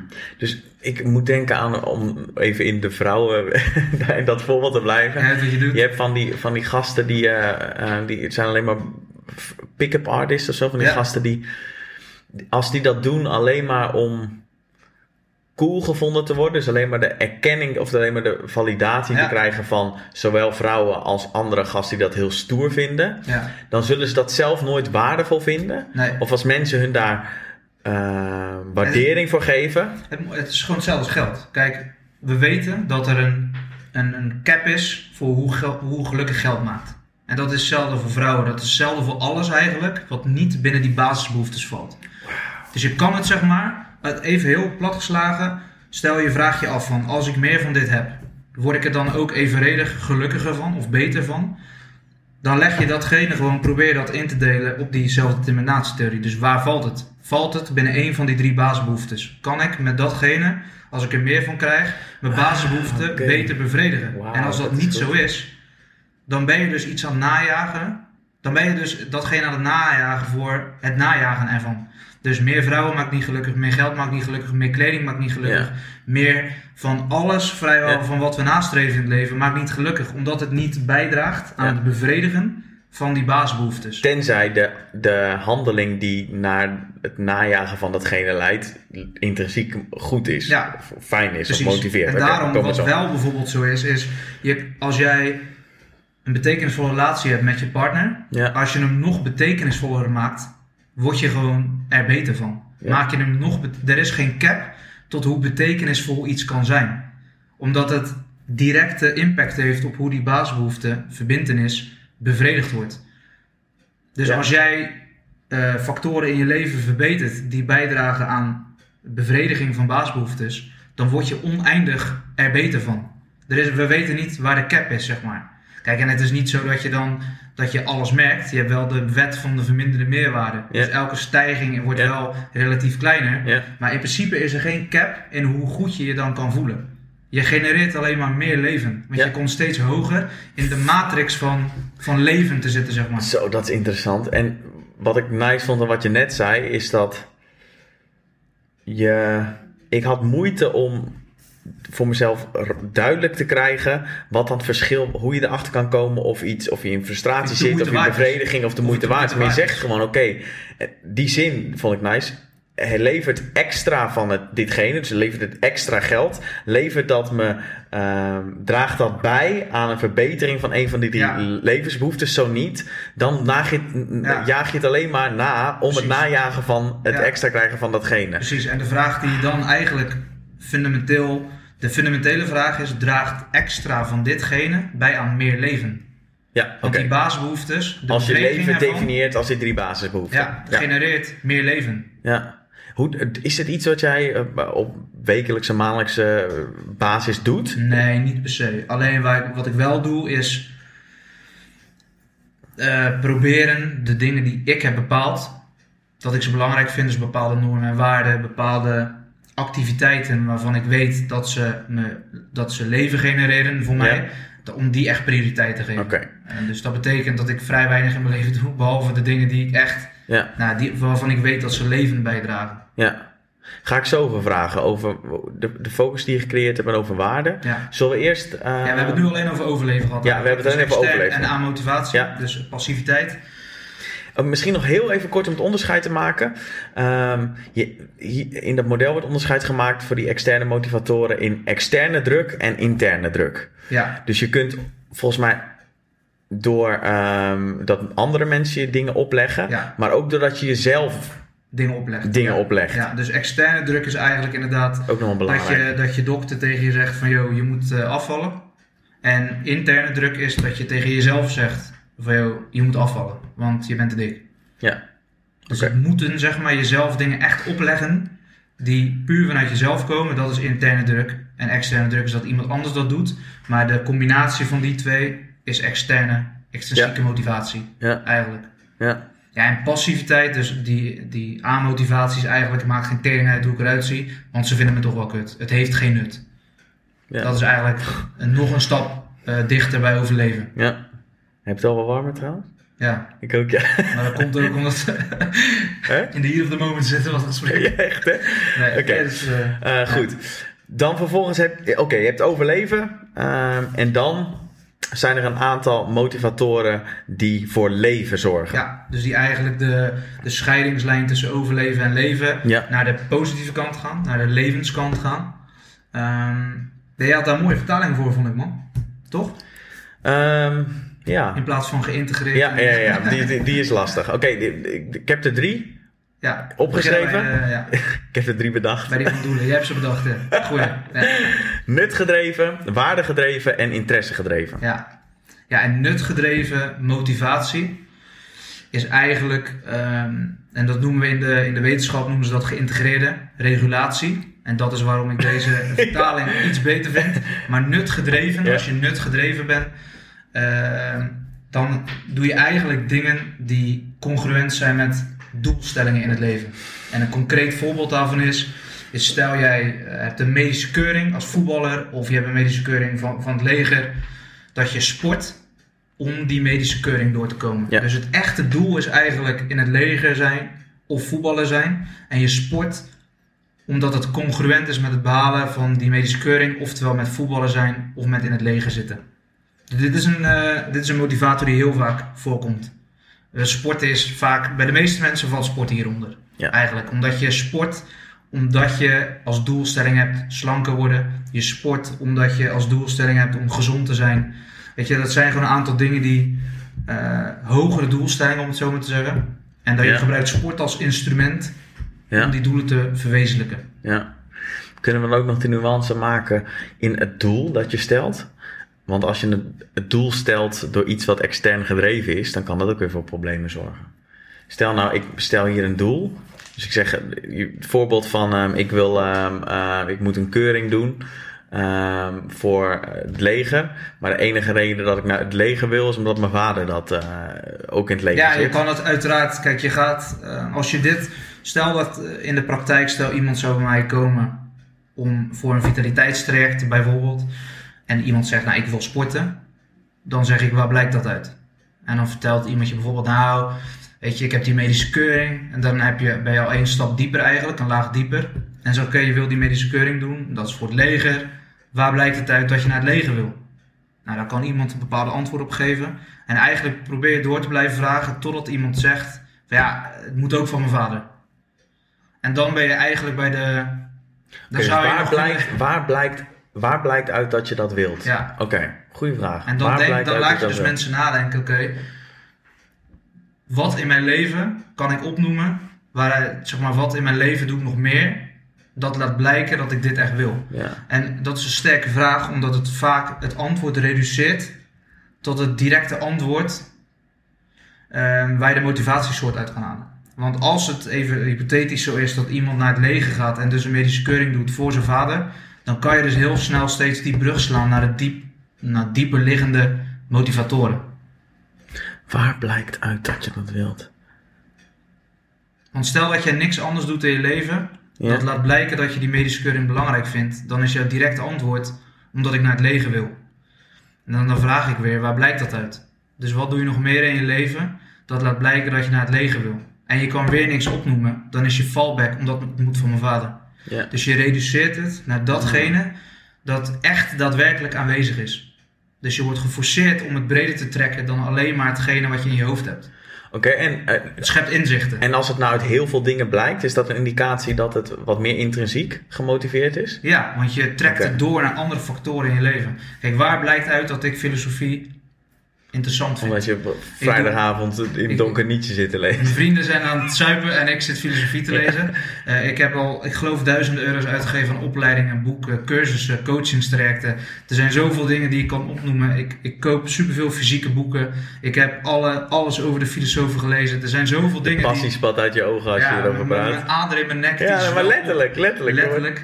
Ehm, weet je, het is iets, ik, ik ervaar een positieve vibe als ik erover spreek. Eh, stel dat ik alleen al dat niet op zou kunnen noemen. En ik zou zeggen, ja goed, dat is toch belangrijk. Dan zou jij weer kunnen vragen, waaruit blijkt dat? Dat het belangrijk is. En ik kan Ja. weer niks opnoemen. En dan zou ik kunnen zeggen, ja, ik bedoel, met, met, met mijn vriend Guy gaat het ook goed. En hij vindt filosofie ook leuk. Ja, oké. En dan, ja. kom je, dan kom je zo snel tot de kern. Goeie. Ehm, Wat ik, wat ik altijd. De, normaal als mensen dit soort vragen stellen, dan is het waarom wil je dat? En ik vind a- allereerst waarom vragen maakt mensen defensief, omdat je een soort mensen moeten zich verklaren. En ja, Nou, het is tweeledig. Het is, het is één. Het, het, zeg maar, of je het defensief vindt, ligt er gewoon aan hoe, eh, iemand het stelt. ja, hoe iemand het stelt en wie je bent. Ja. Eh, maar, kijk, waarom vragen, nogmaals, dan krijg je weer dat mensen gewoon een maats- maatschappelijk geaccepteerd antwoord geven. Waarom is gewoon niet wat ze daadwerkelijk willen, maar wat ze denken dat ze willen. Wat van, waar zij van denken, dit is wel nice als ik dit zou willen in mijn leven. Dat vinden mensen ook leuk. En als je vraagt waar blijkt het uit, dan geef je eigenlijk geen pankla antwoord. Want je moet nadenken over waaruit het blijkt. En, En dat schept inzichten. Ja, en, je vraagt, en je vraagt naar iemand acties, wat Ja, iemand doet. En doen is beter ja, dan wat je zegt. Kijk naar wat iemand doet en niet naar wat hij zegt. Ja, dat is grappig. Wij, eh, met mijn werk zijn we heel veel bezig met het valideren van ideeën. Ja. En als je dan mensen spreekt, dan is het goed om altijd naar het verleden te vragen. Wat heb je in het verleden gedaan om, Ja. om zeg maar die, die, die behoefte, Precies, dit ja. probleem te achterhalen? Ja. En niet van, zou je dit kopen? En dan Precies. projecteren in de toekomst. Want mensen kunnen dat helemaal niet. Nee. alleen maar over hun verleden praten. Precies, Dus eigenlijk dit ook. Ja, dus dit. Oh, dat is goed hè? En een andere, antwoord, een andere vraag die je dan stelt is dus... Dit is nu heel makkelijk gezegd dat je heel snel bij de kern komt, maar het is gewoon niet altijd zo. Het kan ook zijn dat iemand ergens blijft haken. En dan kan je bijvoorbeeld vragen, stel nou dat we het doel niet halen. Stel je haalt de medische keuring niet. Wat gebeurt er dan? En het antwoord daarop, dat verklapt in 99% van de gevallen wat voor soort motivatie het is. Want als ik zeg van ja, dat vind ik echt jammer, want weet je, al die dingen in mijn leven, weet je, en dan ga ik niet bij het leger, dat is, dan kan je, dan alsnog komt iemand met inzichten waaruit blijkt dat het belangrijk is. Mm. Maar als, het, als er geen intrinsieke motivatie is, als er niks blijkt, als het niet uitmaakt of hij het wel of niet haalt, of hij zegt van ja, dan wordt mijn vader fucking boos, dan kan je heel snel tot de kern komen op deze manier. Dus je gebruikt beide vragen eigenlijk om of je eigen of iemand anders motivatiesoort eh, te achterhalen. Voor, iets, voor een doel waar je voor wil vechten. Wauw. Dus waar Cool. blijkt het uit? En stel dat je het niet haalt, wat Ja. dan? Ja. En dan kan je heel makkelijk het antwoord kan je op de motivatiesoorten leggen. Stel Ja. dat hij zegt, maak geen tering uit, dan is die aan motivatie. Dan is die passief. Hij doet maar gewoon niets. Stel dat hij zegt van ja, mijn vader wordt super boos dan. Weet je, heel Extern. onze familie zit in het leger, eh, nu, ligt, nu komt het op mij aan. Dan is het externe motivatie. Stel dat hij zegt, ja, die fucking medische test die moet ik hebben, want ik moet naar het leger. Want het vind ik super tof, want X, Y, Z. Dan is het een congruent doel. Dus het is nut gedreven. Ja. En dus misschien een leuke stap om gelijk naar de volgende motivatiesoort te maken. En dat is waardegedreven. Dat is weer een stap dichter bij leven, weer een stap autonomer. Stel dat het antwoord is van ja, ik wil die medische keuring, want ik vind, weet je, ik heb, ehm, nou ja, wat is een waarde die bij het leger hoort? Ik vind, eh, weet je, je land verdedigen, gewoon Ja. opkomen voor ons volk, dat vind ik super belangrijk. En weet je, oké, Ja, ja, ja, maar even- ja, ja, ja, ja. nou, dan ben je echt waardegedreven. Oké. Dan kan iemand echt heel duidelijk maken van ja, wat, wat voor type motivatie zit hierachter. Ja. En heel vaak, in de meeste gevallen, zie je dat die waarden dan ook doorstroomt in andere dingen van je leven. Dus eerlijkheid is nooit domeinspecifiek. Als het echt een waarde is, dan is het overal. Ja, gaan we het zo over hebben. Gaan we het zo over hebben. Oké, waarde, nutgedreven, waardegedreven Ja. en eh, interesse gedreven. Ja, Dus in het geval van het leger, dan zou iemand die in het leger gaat zijn hele leven al bezig zijn met het leger.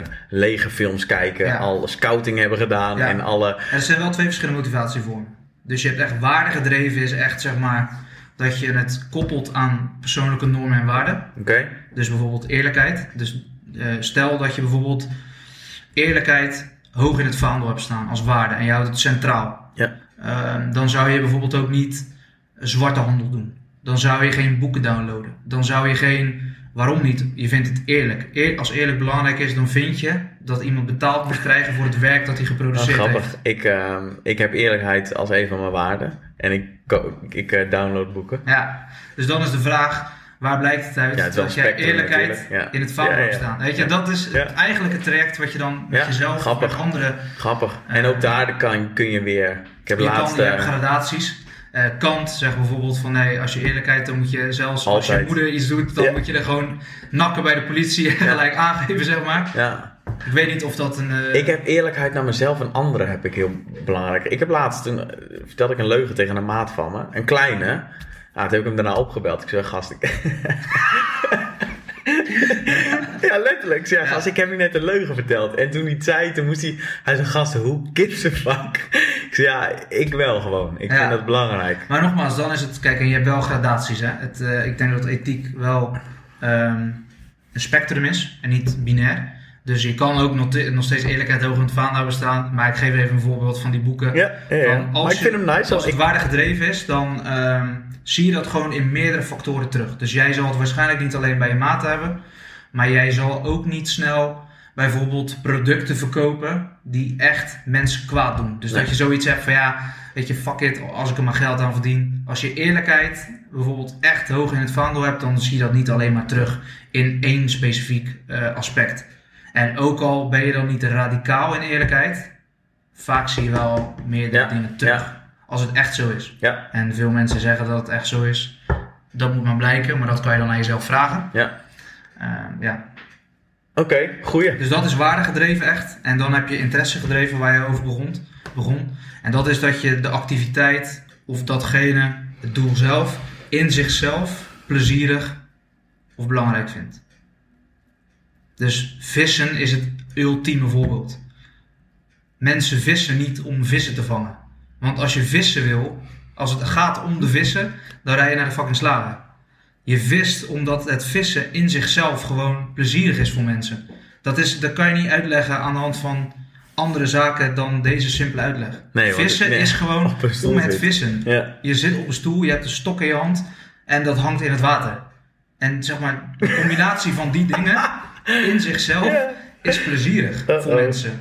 Er is niemand die vist om de vissen. Want die pleur je daarna terug. En als je een keer gek bent en dan neem je ze een keer mee naar huis en dan gooi je ze op de barbecue. Maar je kan die ook kopen, die vis. Ja, dus ja, oké. Het is niet het eindresultaat. Het is hetgene zelf, de activiteit in kwestie, die het plezierig maakt. En Ja. dan heb je eigenlijk de, de, de holy grail van de motivatie. Dan heb je interesse gedreven Ja. motivatie. En dat is intrinsic motivation. Ja, dat, dat is top. Ja. Er zijn ook gewoon echt mensen die sporten zo kunnen zien. Hè? Ik heb dat zo. ik eh, heb dat letterlijk. Nou, jij dan, maar ook een, een Doan bijvoorbeeld. Echt iemand die gewoon de sport zelf zoveel passie en zoveel, weet je, dat hij sprankelt van de sport zelf, van de activiteit, op hoe sterk die ook is, op welke positie die ook terechtkomt op een wedstrijd. Ja, dan ben je interesse gedreven. Dan, Ja. Dat is, ja, Ja. goed, dat is... eh, Ik ga heel veel naar de wc. En dan eh, hebben we het over het gevoel. Want ik vind het wel nice dat... Nou ja, goed. Ik, ik zal het zo zeggen. Heb je het al warm? Nee, ik heb het lekker nu. Ja?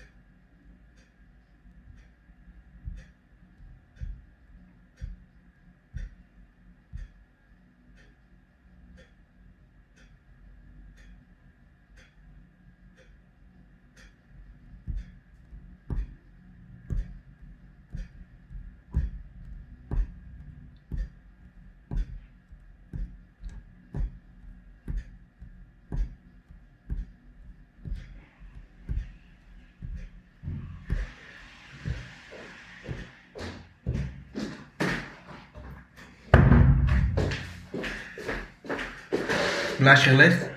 Hij is weer... eh, Ik heb ook een nieuw colaatje voor. Ik wil het zeggen, mag ik zo weer? Dat is top. Thanks man.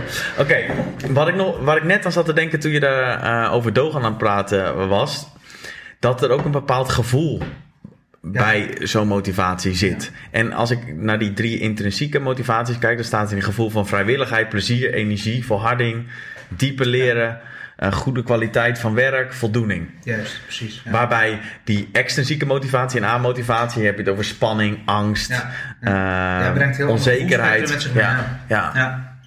En dat is het ook. Mensen die bijvoorbeeld vissen of mensen die trainen echt tof vinden. Gewoon het trainen zelf. Ja. Eh, die vinden de activiteit zelf gewoon, ongeacht het resultaat, ongeacht, die vinden dat gewoon leuk. Ja, en dan zie je dat daar ook gewoon heel veel positiviteit bij komt kijken. Ook wel een leuke brug trouwens. Dit heeft ook heel veel met flow te maken. Ja, je kan alleen in denk. flow komen. Je kan alleen maar de, ook weer de holy grail aan positieve eh, emotie voelen, ervaren, als de activiteit in zichzelf leuk is op dat moment. Ja, maar kun je- bete- zeg je daarmee dat je het bij nutgedreven en eh waardegedreven motivatie niet kan ervaren? Ja, ik denk het wel. Maar ik denk dat dit wel de... Ja, nee, ja, hier ben je, ja, tuurlijk, hier zit je er zo in. Ja. Maar dat heb ik met, ehm, de, Maar het kan wel, denk ik. ja, Ik denk alleen dat je bijvoorbeeld eerder in flow bent als je een interessant gesprek hebt of iets doet wat je heel leuk vindt, dan dat je eh, sport voor een Ja. medische test of eh, ja, iets anders doet wat Ja. ongewend is met doelen, zeg maar. Ja. Want je bent dan bezig met het doel in je hoofd. Ehm, en dat is al eigenlijk een, dat zijn al condities waarin flow moeilijker is. Flow is makkelijker te verwezenlijken als je niets in je hoofd hebt. En juist alleen maar met je hoofd hier bent ik had het net. Ik had het net een minuutje of 25 of zo. Ja, toen je aan me vroeg, ga, eh, zit je er beter in? Toen had ik zo'n ader in mijn nek staan. Ja. ja, dat, dat is echt Ja. zo'n moment van flow. Ja. Dat je even niet meer weet wat er, wat er verder gaande is. ja, Zij vergeten zichzelf in functie. cool. Zo is het ooit eh, tot stand gekomen. Mooie uitspraak vind ik. Zij vergeven zichzelf Zij vergeten zichzelf. in functie. Ja, In dus je gaat echt op in ja, de Je taak. versmelt gewoon echt met eh, datgene Ja. wat je aan het doen bent. Ja, fucking gruwelijk gek. Top, ja. Ja. Ik, eh, ik zou, eh, dat is een mooie uitspraak om op je naam te hebben. Ja, toch? Ja. Oké, maar de- de- ik wil graag dit even afmaken en dan hierop door. Want ik- waar ik heel nieuwsgierig naar ben, dan parkeer hem even en dan een soort cliffhanger voor waar we het straks over gaan hebben. Hoe creëer je een leven waarbij je vooral met taken bezig mag zijn die Voor leven zorgen. voor leven zorgen? Ja, Exact. Eigenlijk aan de bovenkant van het spectrum. Exact, ja. Dus daar gaan we het zo over hebben, maar heel even over, eh, om hem af te maken. Ja. We hebben het nou over die intrinsieke vormen van motivatie gehad. Die zorgen voor leven. Ja. En dan is er nog een verschil tussen passie en zingeving. Ja. Zou je die nog, zou je Ja, dat om precies te onderscheid zijn, kunnen maken? drive en discipline. Ja. Want we hebben nu vooral over overleven en leven. Ja, Maar je hebt ook een horizontaal spectrum. Waar aan de linkerkant drive staat. En drive is eigenlijk de trekmotivatie. Zoals het even in de volksmond. Eh, dat is dat de dingen die daar zich bevinden, dat je daardoor aangetrokken voelt. Eh, en drive is eigenlijk iets wat geen energie kost, maar energie geeft. Zo kan je het ook wel beschrijven. En discipline aan de andere kant van het spectrum, dus aan de rechterkant, dat is de dealmotivatie. Dus dat is wel echt iets wat motivatie eh, of energie kost. En daar zie je dus ook bijvoorbeeld zingeving, ehm, of maar ook waarde, motivatie. Eh, dat zijn gewoon ehm, motivatiesoorten die wel gewoon, dat je die actief in stand moet houden. Anders vervallen ze. Dus bijvoorbeeld eerlijkheid. Ja, er is niemand op de wereld die zegt dat eerlijkheid makkelijk is. Eerlijkheid betekent opoffering, consequenties, eh, negatieve ervaringen. En als je eerlijk wil blijven, je wil die waarden hanteren in je leven met consistente maatregeling. Ja, dat kost gewoon en- dat kost energie. Dat kost gewoon, zeg maar. En dat is bijvoorbeeld een heel goed voorbeeld van iets dat discipline kost. Vissen aan de andere kant, of sporten als je het leuk vindt, iets dat in zichzelf een beloning is, ja. Kost gewoon geen moeite. ja. Daar wordt vis is, vis is passief. Dus dan zou je kunnen zeggen, ja, dat kost geen moeite omdat je in een stoel moet zitten. Maar sporten is actief, daar moet je heel veel moeite voor doen. Maar als het iets is wat je leuk vindt, dan kost het alsnog geen Nee, het moeite. maakt niet uit wat je moet doen. Ja, Eh, ook vissen, voor mij, zet mij niet op een stoel voor het water. Dat kost me heel veel moeite, ondanks dat het passief is. Ja. Weet je, dus de, de Ja, passiviteit is inderdaad geen voorwaarde of het... eh, Voor de energie-output. Nee. Eh, dus het is meer een intern proces eigenlijk, niet zozeer fysiek. Oké. Dus drive en discipline, ja. En eh, dus het onderscheid tussen motivatiesoorten is ook heel erg, kost het energie of levert het energie op? Ja, en eh waardegedreven, doelgedreven en eh, interessante dingen zijn dan misschien wel genereren leven. Ze zijn eigenlijk wel positief te benoemen. Maar het is niet dat ze geen energie kosten. En, en je kan dus ook bijvoorbeeld negatieve motivatiesoorten hebben, amotivatie. Dat kost geen energie inderdaad. Nee. Dus dat is wel een drive, raar genoeg. Eh, maar goed, je wordt in geen enkele richting opgeduwd. Dus je bent gewoon puur een soort flippenkast bij die zo'n bal maar overal naartoe laat rammen door het leven. Dat kost inderdaad geen energie met de stroom meegaan. Eh, maar ja, het, levert ook, het is wel een overleefstand. Ja. Dus ondanks dat het een dealmotivatie is, Ja, en je wordt niet eh, voorzien in je drie baasbehoeften. Dus precies, ja. En daarom is het overleven. Maar het kan wel een drive zijn. Wel een hele zwakke, maar oké. kost geen energie. Laat, ik, la- laat ik de vraag gewoon aan jou stellen. Hoe creëer je een leven waarin je vooral bezig bent met leven? Met leven, ja.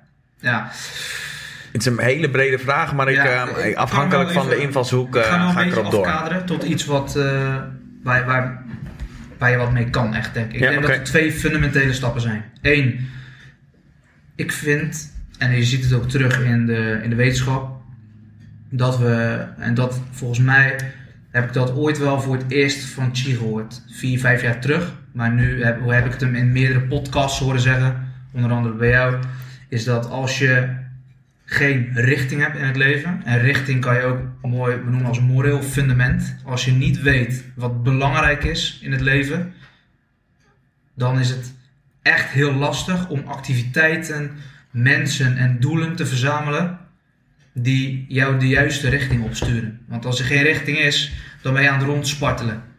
En rondspartelen, ja, dan, verzink, dan verzuip je, zeg maar. Dan Ja. zwem je niet naar de kant als je in het diepe wordt gegooid. Ja. Maar dan zak je als een steen naar de bodem. Dus ik denk dat het allerbelangrijkste, het fundament, en daarom noem ik het ook het moreel fundament, is gewoon richting kiezen in je leven. Dat hoeft niet in één keer goed te zijn. Ik denk dat je bewust moet afvragen, heb ik richting? En zo ja, wat is dan mijn richting? Wel, wat zijn de waarden die ik in mijn leven hanteer? En dan kan je de vraag stellen, waar blijkt dat uit? En stel dat ik die waarden niet zou kunnen uitoefenen, wat zou het dan voor mij betekenen? Wat, wat ervaar ik dan voor gevoel? Wat zou het voor mijn relaties en zo betekenen als ik dat niet zou doen? Ja. Nou, daar kan je Maar is richting dan van jou het creëren van waarde? nou, dat is wel een richting. En richting betekent niet dat je beweegt, hè? Dus dat is wel een. Je vaart dan niet, zeg maar, maar je kiest alleen koers. Ja. Het fundament. Ja. En dan het tweede is, daarom zeg ik het is tweeledig. Het tweede is denk ik dat je dan gaat kijken welke, en dan komen we bij die drie basisbehoeftes. Wat voor type relaties heb ik? Zijn die afgestemd op mijn moreel fundament? Wat voor werk doe ik? Dus nou, als we naar competentie kijken, wat voor werk doe ik? En wat voor eh, activiteiten doe ik? Wat voor hobby's heb ik? En is dat afgestemd op mijn moreel fundament? Dus, en Oké, dus wel, wat voor relaties heb ik, wat voor werk doe ik en wat voor hobby's heb ik? Ja, als eerste voor verbindenis en competentie. Ja. En derde basisbehoefte, autonomie, is In hoeverre heb ik vrijwillig hoeverre gekozen voor heb dit ik leven? vrijwillig gekozen voor dit leven. Ja. Voor het moreel fundament, voor de activiteiten die ik doe, de hobby's die ik doe, het werk dat ik doe, de relaties die ik heb. En dan heb je denk ik een combinatie dus eigenlijk van richting kiezen, moreel fundament creëren. Dat tot expressie laten komen door middel van relaties, activiteiten en autonomie. En als je die twee dingen, nou ja, doet, dan is er in de meeste gevallen sprake van leven. Eigenlijk altijd. Want dat zijn de, de voorwaarden om te kunnen leven. En hoe je dat doet, je- hoe je jezelf dus voorziet en daarna zelfs misschien ook bevredigt in die basisbehoeftes. Ja. Ja. dat is gewoon eerst bewust worden van waar je je leven momenteel mee vult. Met wie heb je contact, hoe vaak? Eh, waar besteed je je tijd aan, hoe vaak? Wat doe je voor werk? Weet je, door alles in je leven gewoon eventjes langs de molen te halen. Eventjes. Eh, ja, niet eventjes, om langs de molen te halen. Ja, doe je even. en je bewust te worden van ja, eh, is, is dat überhaupt een beetje afgestemd op wat ik belangrijk vind? Ik bedoel, als al jouw vrienden compleet andere waarden hebben. En je hebt geen mensen in je leven die dezelfde waarden delen. Dan wordt het bijvoorbeeld al veel lastiger om betekenisvolle relaties op te bouwen. Die afstemming is essentieel om dit te kunnen laten werken, om te kunnen leven. Ja. En dat is als mens, ik geloof ook dat je als mens intuïtief naar mensen trekt, waarbij je het minst vaak zoiets hebt van, nee, dat eh, vind ik niet helemaal chill wat je nou deed. En dat betekent niet dat het gaat om drinkvolkeur of weet je, voedingsvolkeur, maar echt over fundamentele waarden, zeg maar.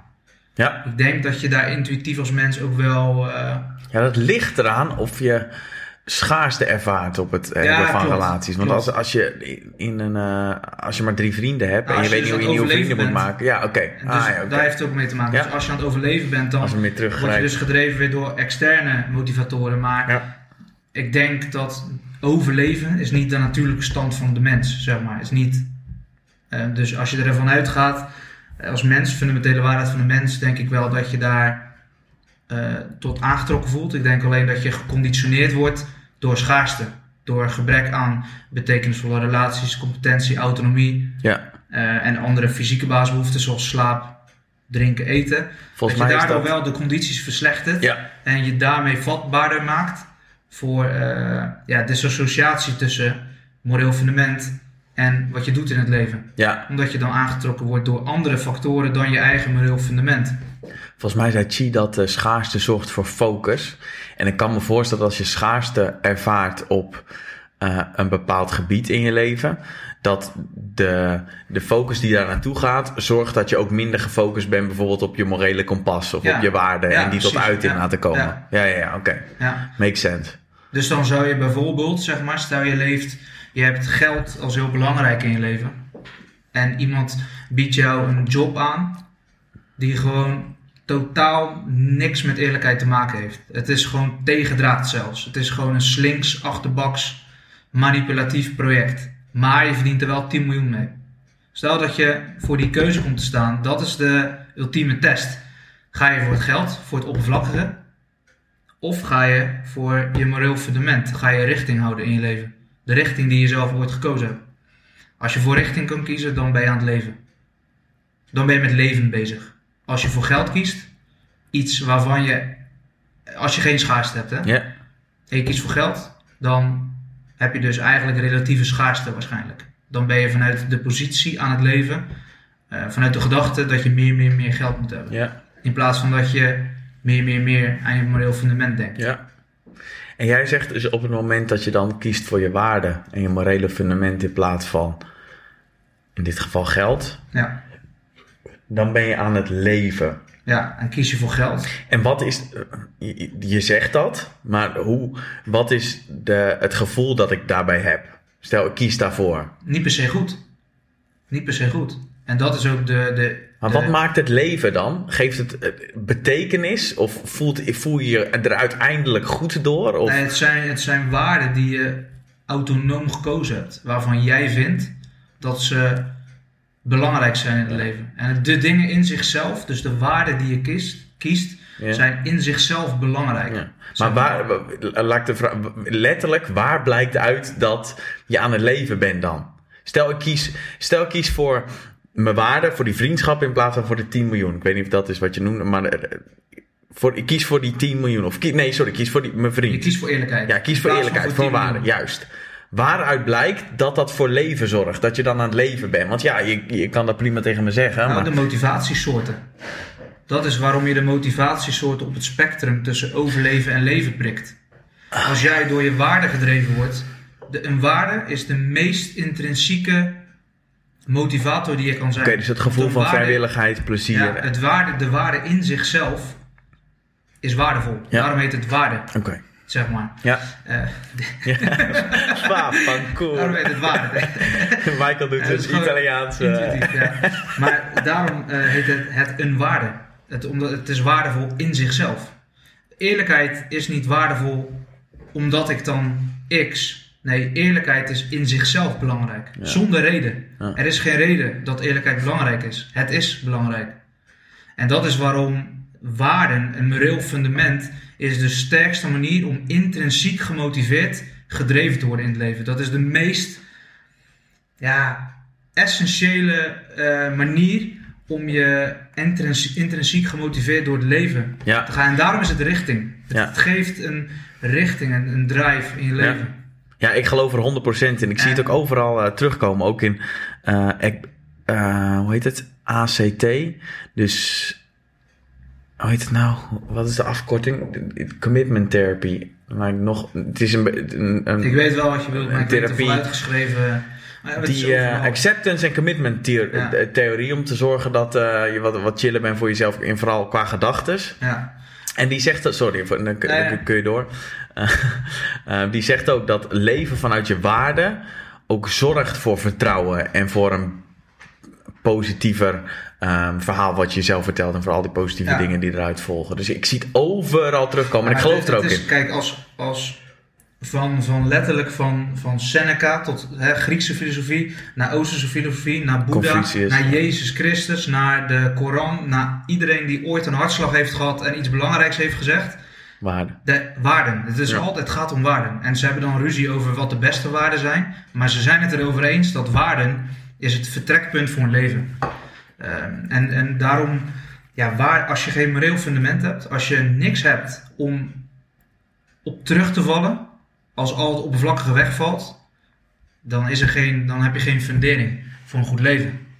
En dat is wat Chi zo sterk zegt. En niet alleen Chi, een, een hoop anderen, maar in Nederland vind ik dat zij het het beste verwoorden. Is dat als jij dit niet snapt, als je dit niet weet als mens, dan val je dus terug op macht en controle. Wat heb ik? Wat, wat, wat vinden anderen van mij? En hoe zie ik eruit?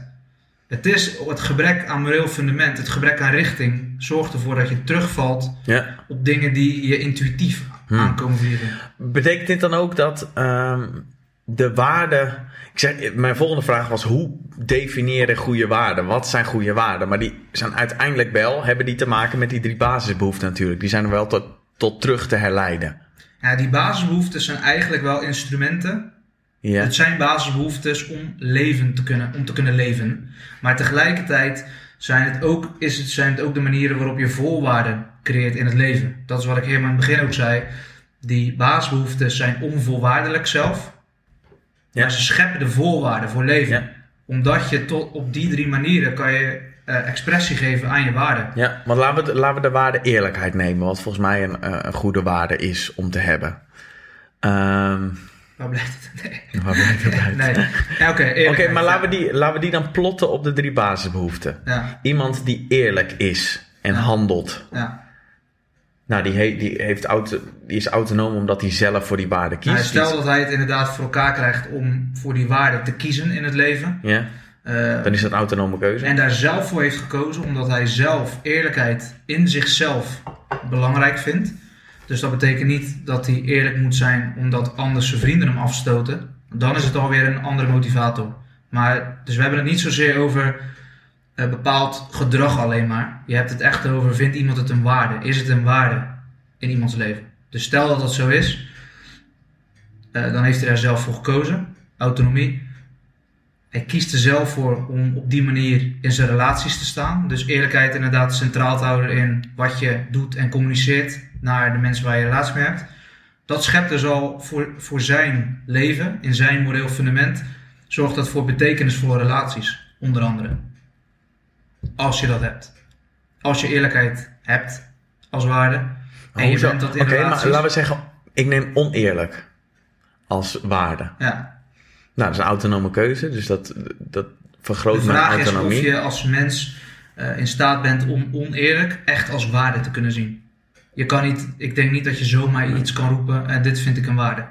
Maar oké, maar eh, waarom het, eh, wat je net zei triggerde me, dat ze in verschillende gebieden en tijdsperiodes in de wereld het oneens waren over welke Ja. waarden belangrijk zijn. En ik probeer eigenlijk te zoeken naar wat zijn dan de belangrijkste waarden. Is dat universeel? Nee, ja, nee, ik zou het oprecht niet weten. Ik denk wel dat er een aantal waarden zijn die, eh, zeg maar, makkelijker of sneller de condities scheppen voor een goed leven dan andere.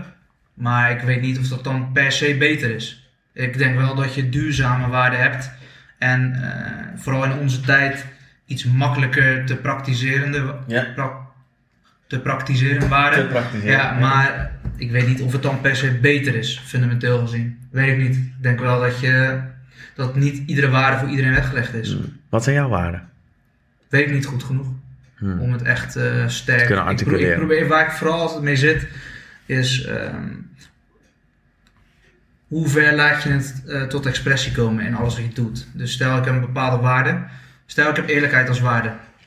En ik heb tegelijkertijd... eh, ik heb tegelijkertijd rechtvaardigheid als waarde. En stel, mijn vader vermoordt iemand onterecht. Dan Ja. moet ik daar eerlijk over zijn naar de politie. Maar tegelijkertijd ehm, heb ik rechtvaardigheid. Dus stel ik zeg het niet. Of Ja. stel ik zeg het wel. Ja, Dan praktiseer ik ze allebei. Want ik ben rechtvaardig. maar stel dat je En familie ook als waarde... eh, Ja, maar stel nou dat hij hem in mijn optiek terecht vermoordt. Want diegene heeft zijn waarde geschonden. Hij heeft daar wel verkeerd op gereageerd, want hij heeft hem vermoord.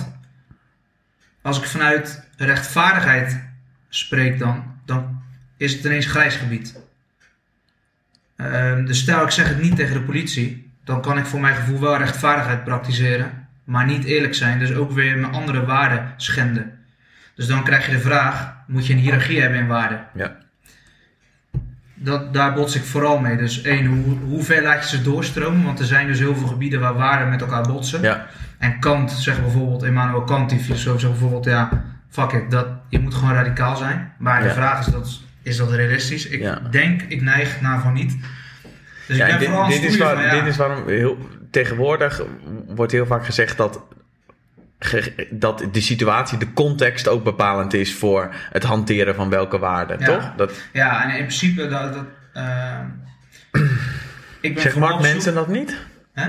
Zegt Mark Mensen dat niet? Dat, dat, Ja, maar dat- mensen is wel, eh, ik moet zeggen, hij eh, neigt wel steeds meer naar bijvoorbeeld het, het radicale ook. Radicale als in dat er waarden zijn die gewoon overstijgend zijn aan de menselijke subjectiviteit, zeg maar. Dus ik kan een bepaalde situatie als zodanig ervaren. Maar eigenlijk is in een bepaalde hiërarchie zijn er gewoon bepaalde waarden die gewoon objectief zijn. Die gewoon overstijgend zijn aan wat jij ervaart. Dus het boeit niet wat jij ervaart. Eerlijkheid is gewoon altijd. En Ja. dan zeg ik niet bijvoorbeeld dat eerlijkheid dat is. Maar er zijn wel filosofische stromingen en wetenschappelijke stromingen die proberen te, eh, te achterhalen of er objectieve maatstaven zijn. Ja, waar dat- gewoon iedereen, ongeacht Ja. wat hij ervaart, Ja. aan moet zou moeten voldoen om goed te kunnen leven. wel interessant, want je zegt inderdaad in het geval dat je een paar iemand zou vermoorden en jij zou dat vinden, dan is dat jij dat vindt wel ehm, ehm, Is subjectief. subject, ja, afhankelijk Ja. van jouw subjectieve Ja. realiteit. Dus als jij dat vindt, maar iemand anders kan het dus- totaal anders vinden. Dat dat, is ook- is dus gevaarlijk aan waarde. Want dan eh, krijg je dus een spanningsveld van ja, ik vind dit, ik vind dit, ik vind dit. Ja, Terwijl als je zou kunnen achterhalen of waarden objectief zijn, in sommige gevallen, en dat er dus ook echt bepaalde waarden zijn die overstijgend zijn aan wat mensen ervaren, dan heb je ineens een ankerpunt Ja. waar je je aan kan vasthouden in, Ja. de, in je eigen want dat scheelt, dat scheelt ook nog in cultuur. Nee, Als ik hier een boer laat, dan denkt iedereen, gast, doe eens normaal. En, maar in China is dat een vorm van eh, dankbaarheid. Of in ieder geval dat je lekker gegeten hebt. Dus ook cultuur dan afhankelijk. Maar zijn die er dan? Nee, weet ik niet. Weet ik niet. Eh, Daarom, Maar dat zijn dingen waar ik altijd mee stoei als ik dan over waarde aan het nadenken Ja. ben. Ja. Want ik ben ook wel geneigd om te zeggen, ik vind rechtvaardigheid belangrijk bijvoorbeeld. Ik probeer zelf wel rechtvaardig te zijn, maar waar stopt het? Stel jij vermoordt iemand, ik zou niet zomaar jou aangeven. Weet je, gewoon heel eerlijk, ja. Want ehm, ik geloof er ook in dat jij niet de moordenaar bent tegelijkertijd. Ondanks dat je iemand vermoord hebt. Dat wil niet zeggen dat je het nog een keer zou doen, zeg maar. Per se. Eh, dus ik zou er wel heel erg in twijfel zijn, ga ik dat dan doen? Maar stel dat ik het niet aangeef, dan ben ik niet rechtvaardig. Dus dan ben ik ineens niet rechtvaardigheid aan het praktiseren. Dus ik vind waarden zijn super moeilijk. Ja. Eh, echt niet makkelijk. En ik denk niet dat dat... Kijk, wij zijn jong ook. eh, dat wij daar nu al onze weg in hebben moeten vinden, zeg maar. Maar goed, het is wel en- iets waar je over na kan blijven Ja, zeker. En, en ik denk ook dat dit, zijn, dit is A, zo specifiek en zo genuanceerd dat Ja. volgens mij de vertaalslag naar eerst überhaupt leven naar waarde Precies. Ja, als is al een ve- betere slag die wij en veel anderen al 10% kunnen maken. rechtvaardiger kan zijn, dan ben je dus eigenlijk Voilà. al meer richting aan het geven aan je leven. Ja. Dus het gaat er ook niet per se om hoe radicaal je bent. Nee. Maar gewoon meer waar je het afkadert, hoe je het nuanceert, hoe je het vertaalt. Bepaalt wel een beetje welke waarde je Ja, eh, op welke manier kan hanteren. Zeg maar. ja. Dat is Nee, eens. wel, eh, Eens. dus ja, ik heb niet specifieke. Ik, ik vind bepaalde dingen gewoon heel belangrijk. Ik vind autonomie gewoon heel belangrijk. Dus ik probeer ook bewust eh, mensen hun autonomie te vergroten. Gewoon als mijn partner of mijn teamleden die in mijn team zitten, gewoon bepaalde dingen willen echt. Omdat zij op dat moment 100% van overtuigd zijn dat zoiets moet, dan probeer ik dat te, daar de vrijheid voor te geven. Dus hun dat te laten doen, ondanks dat ik er misschien niet achter sta. Dus autonomie is wel een waarde die ik heel erg probeer te praktiseren. Aan de andere kant heb ik ook een zusje, die is 18, die doet gewoon domme shit. Vanuit mijn perspectief. Ja, ik probeer wel, ik probeer haar wel fouten te laten maken, een bepaalde autonomie te geven in wat ze doet. Maar aan de andere kant laat ik het ook niet uit de klauwen lopen. Dus als zij echt gewoon op het punt staat om iets te doen wat permanente schade of serieuze consequenties kan hebben, dan zou ik haar er wel voor Ja, eh, kunnen stoppen en dan beperk ik haar autonomie. Dus ik ben letterlijk iets aan het wegnemen wat voor haar leven kan genereren in theorie. Maar aan de andere kant ben ik ook weer een andere waarde voor mij aan het praktiseren. En dat is de zorgzaamheid. Dus de- voor mijn familie en vrienden zorgen. Dus dat, dat is waar, Ja, en- super belangrijk. en tough love is misschien wel wat ook wel voor sociale verbindenis zorgt, kan toch? zorgen op de lange termijn. Ja, op de lange termijn. Korte termijn is dat Ja. kut, maar lange termijn Nee. zal ze er wel... En dat, eh, dat is waarom je ook, ook, ja, ook natuurlijk een mythe is dat je altijd gelukkig kan zijn. Als ik soms, als ik waarde praktiseer, dan ben ik dood Ja. ongelukkig. Dus, maar we weten wel dat het streven naar waarde gelukkig maakt. En maar dat je in zichzelf niet kan verwachten dat je altijd positieve emotie ervaart of dat je altijd goed voelt. Maar het leidt wel tot geluk. Dus Ja. dat is wel een mooie reden ook om het naar geluk door te trekken. Ja. Waarden zorgen gewoon voor eh, geluk. Maar geluk is niet altijd een positieve gemoedstoestand. Exact. In de meeste gevallen voel je je gewoon kut. Als je datgene doet waarvan je denkt dat het belangrijk is. Dus bijvoorbeeld je zusje op dat moment ongelukkig maken. Maar ja, wel met een bepaalde... eh, Ja, toch vind ik, als ik daaraan denk, aan die situatie dat ik mijn broertje bijvoorbeeld tough love zou geven, omdat op dat moment... maar je moet het bijvoorbeeld... Kijk, dat is niet leuk, want het zou voor confrontatie zorgen. En, maar ik, ik zou daar wel kracht uit... Als ik erover nadenk, dan voel ik wel een soort van voldoening daaruit. Misschien niet leuk, maar... Dat is bijvoorbeeld... Ik ben geen ouder, dus het is niet vanuit dat ik spreek vanuit ervaringsdeskundige. Maar als ik nu terugkijk naar bepaalde dingen die mijn ouders mij niet lieten doen, bijvoorbeeld met geld. Mijn ouders beheerden altijd mijn geld, tot een bepaalde leeftijd. Ik was echt heel jong, maar volgens mij tot mijn twaalfde of dertiende zoiets. En toen kreeg ik al het geld dat ze ooit voor mij gespaard hadden. Maar tot dat punt zei ik bijvoorbeeld, eh, had ik eh 200 euro gespaard na 80 jaar, zou ik geld krijgen. Toen zei ik, kijk, ik wil een Playstation kopen. Toen zei mijn vader nee. Ja, maar ik heb het geld gespaard. En soms zei hij gewoon nee. Waarom zei hij nee? Omdat hij wist dat we de week daarna op zomervakantie zouden gaan. En ik al dag alleen maar aan die Playstation dacht. En hij zei nee, omdat hij anders wist dat ik drie weken lang geen geld had om uit te geven in Italië. Achteraf, als je terugdenkt, ik was daar fucking boos over. Hè? Dan praat je een week lang niet tegen je ouders, bij wijze van. Iemand voelt zich sowieso kut, mijn vader. Want hetgeen waar hij het meest trots op is, doet gewoon een week lang kut tegen hem. Maar hij praktiseerde wel een belangrijke waarde. Ja. Zijn zorgzaamheid. En hij, Nee, maar ik, ik- jouw vader haalt daar wel, denk ik, als ik het op zo... de lange termijn. Ja, maar ook op dat moment is dat wel... Volgens mij geeft het wel gevoel van kracht. Van oké, ik dit is kut, maar ik doe dit wel vanuit... eh, Ja, dat, eh, ik, Weet ik niet hoor, maar ik kan me dat voorstellen. maar ik, denk, eh, ik denk dat we best wel goed weten dat het meer aan de disciplinekant zit. Dus het, het is kut soms. Het kost energie. Ja, Het- nee, tuurlijk. want Tuurlijk. waarom? Het, het is datgene gewoon niet leuk. wat jij wil dat jou, van je houdt en eh, jou als je iets positiefs ziet, dat haat je op dat moment een week lang. Dus dat is wel incasseren. En het, ik geloof wel dat het ehm, eh, betekenis heeft, dat je het op de lange termijn, dat je er gelukkiger van wordt. Maar het is wel makkelijker Ja, om positiviteit na te streven en gewoon te zeggen, kijk eens jongen, hier heb je je 200 euro. ja, En dat is waarom dat aan de drijfkant zit. Het, Ja. is, het kost geen energie. En dat is waarom zingeving discipline kost. Door bepaalde keuzes te maken die kut zijn, Ja. maar op de lange termijn goed, geef je betekenis aan het leven. En dat is, dat is zingeving. Dan ben je actief aan het praktiseren om het leven zin te geven. ja. Ja. En dat is nogmaals weer waarde. Je streeft, je hanteert waarde. Ja. Ja, ik heb, ik heb een aantal blogs voor. Zullen we, de, zullen we naar je blogs toe gaan? Ja, Dit tuurlijk. past hier wel. eh, Je hebt op een gegeven moment een blog geschreven over. ehm,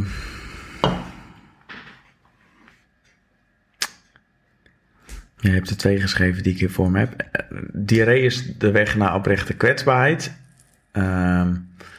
Oeh. weet, Ja, ken je ja. nog? Ja? Ja, zeker, ja. Volgens mij ehm, is de hoofdgedachte daarvan dat die proble- problemen die we hebben universeel zijn. En dat we ze dus niet hoeven te labelen als kwetsbaar. Maar dat, dat uitspreken gewoon zorgt voor. Nee, besef dat problemen universeel ehm, zijn, bindt al. Want Ja. iedereen heeft ermee te maken. ja. Ehm, en vervolgens heb je een blog geschreven over de Gazastrook. Wacht even, één vraag. Hoe kom je op eh, deze blog, de kwetsbaarheid? Of gaat dat nog duidelijk worden? Ja, nee, We dat maken gaat... zo'n enorme sprong. Ja, nee. dat gaat nog duidelijk worden. Het heeft samenhang. of- Ik hoop het. Geef, me, geef me de kans. Ik geef je de kans. Vervolgens heb je het over, ehm, over de Gazastrook. Ja? Ehm, Hm. misschien, dat hij nu, misschien is die eerste, heeft er niet zoveel mee te maken, maar ik denk dat het nu duidelijk wordt. Dan staat er over wat is echt accepteren. Het gaat over acceptatie. Ja. Ehm, en dat sommige dingen kun je gewoon echt letterlijk accepteren. Of niet, maar dan zijn grens Ah, stellen. ja. En wat ik, wat ik me Ja. toen dacht, is op het moment dat je het niet accepteert. Nee, als je het, er is een verschil tussen echt accepteren en er niets van zeggen. Ja. En nu komt het terug op ehm ehm tough love geven of soms gewoon een grens stellen. Ik vraag me af in heel veel gevallen of mensen het daadwerkelijk accepteren of gewoon niet de ongemakkelijke situatie willen ehm, creëren en Ja. er dan maar niks van zeggen. Ja, precies. En dan is het weer niet vanuit waarde leven. Nee, dus nu ik terugdenk, hey, had die eerste, de blog Diarree op de weg, eh, op weg naar oprechte kwetsbaarheid, helemaal niets te maken met het punt. Nee, maar ik dacht, misschien mis ik hem Nee. Dus nee, maar eh, snap je? Ja. En, Ja, het is vooral inderdaad die blog over Gazastrook gaat over eh, accepteer je iets echt. Dus brengt het geen negatieve associatie Ja. meer met zich mee. Het kost Exact. het geen energie meer. Of ja, zeg je er gewoon niks van, maar kost het wel energie, zeg maar. ja, Dat is het grote verschil inderdaad. eh, ja. ja. En het ging erover dat eh, mijn vriendin is iemand die kan gewoon... Op het moment dat zij bedenkt, ik moet me uitkleden, dan gebeurt het ook op die specifieke 5 vierkante centimeter. Ze zal niet denken, ik moet me uitkleden, dus ik loop naar de kamer waar mijn kledingkast is. Dus de kleding gaat in de kast waar ik het uiteindelijk toch ooit weer in ga stoppen. En je hoort al op de manier waarop ik dit vertel, dat... Mijn handen gaan ervan zo. nee, dat eh, ik heel anders ben. ja. Ehm, en het is niet dat ik volledig heb geaccepteerd dat zij dat doet. Maar ik zeg er gewoon niks van. Dus het is niet dat daar. eh, het kost me nog steeds energie. Ja. Dus dat is een. eh, maar het is een externe motivatie op dit moment. Want het is nog niet volledige acceptatie, dus niet intrinsiek. Maar het gaat wel ook weer om autonomie. Ik probeer haar autonomie wel ehm, te bevredigen. ja. Als in, ik, ik, ik ga niet iets opleggen waarom, wat ik vind dat moet. Dus ik praktiseer wel een waarde, autonomie. Eh, dus dan kom je weer terug. Je waarde praktiseren is niet altijd leuk. Want soms ben ik gewoon fucking geïrriteerd. Dat ze die, mijn handen gaan er weer van zweten. Dat ze die spullen in de woonkamer legt. Maar ik weet tegelijkertijd dat ik wel iets goeds doe. Ja. Dat geeft betekenis aan mijn leven. Dat ik dat kan. Weet je, ik ben iemand die iemands autonomie kan vergroten als ik daarvoor kies. Eh, dat is wel weer zingeving. Maar het vergt wel discipline. ja.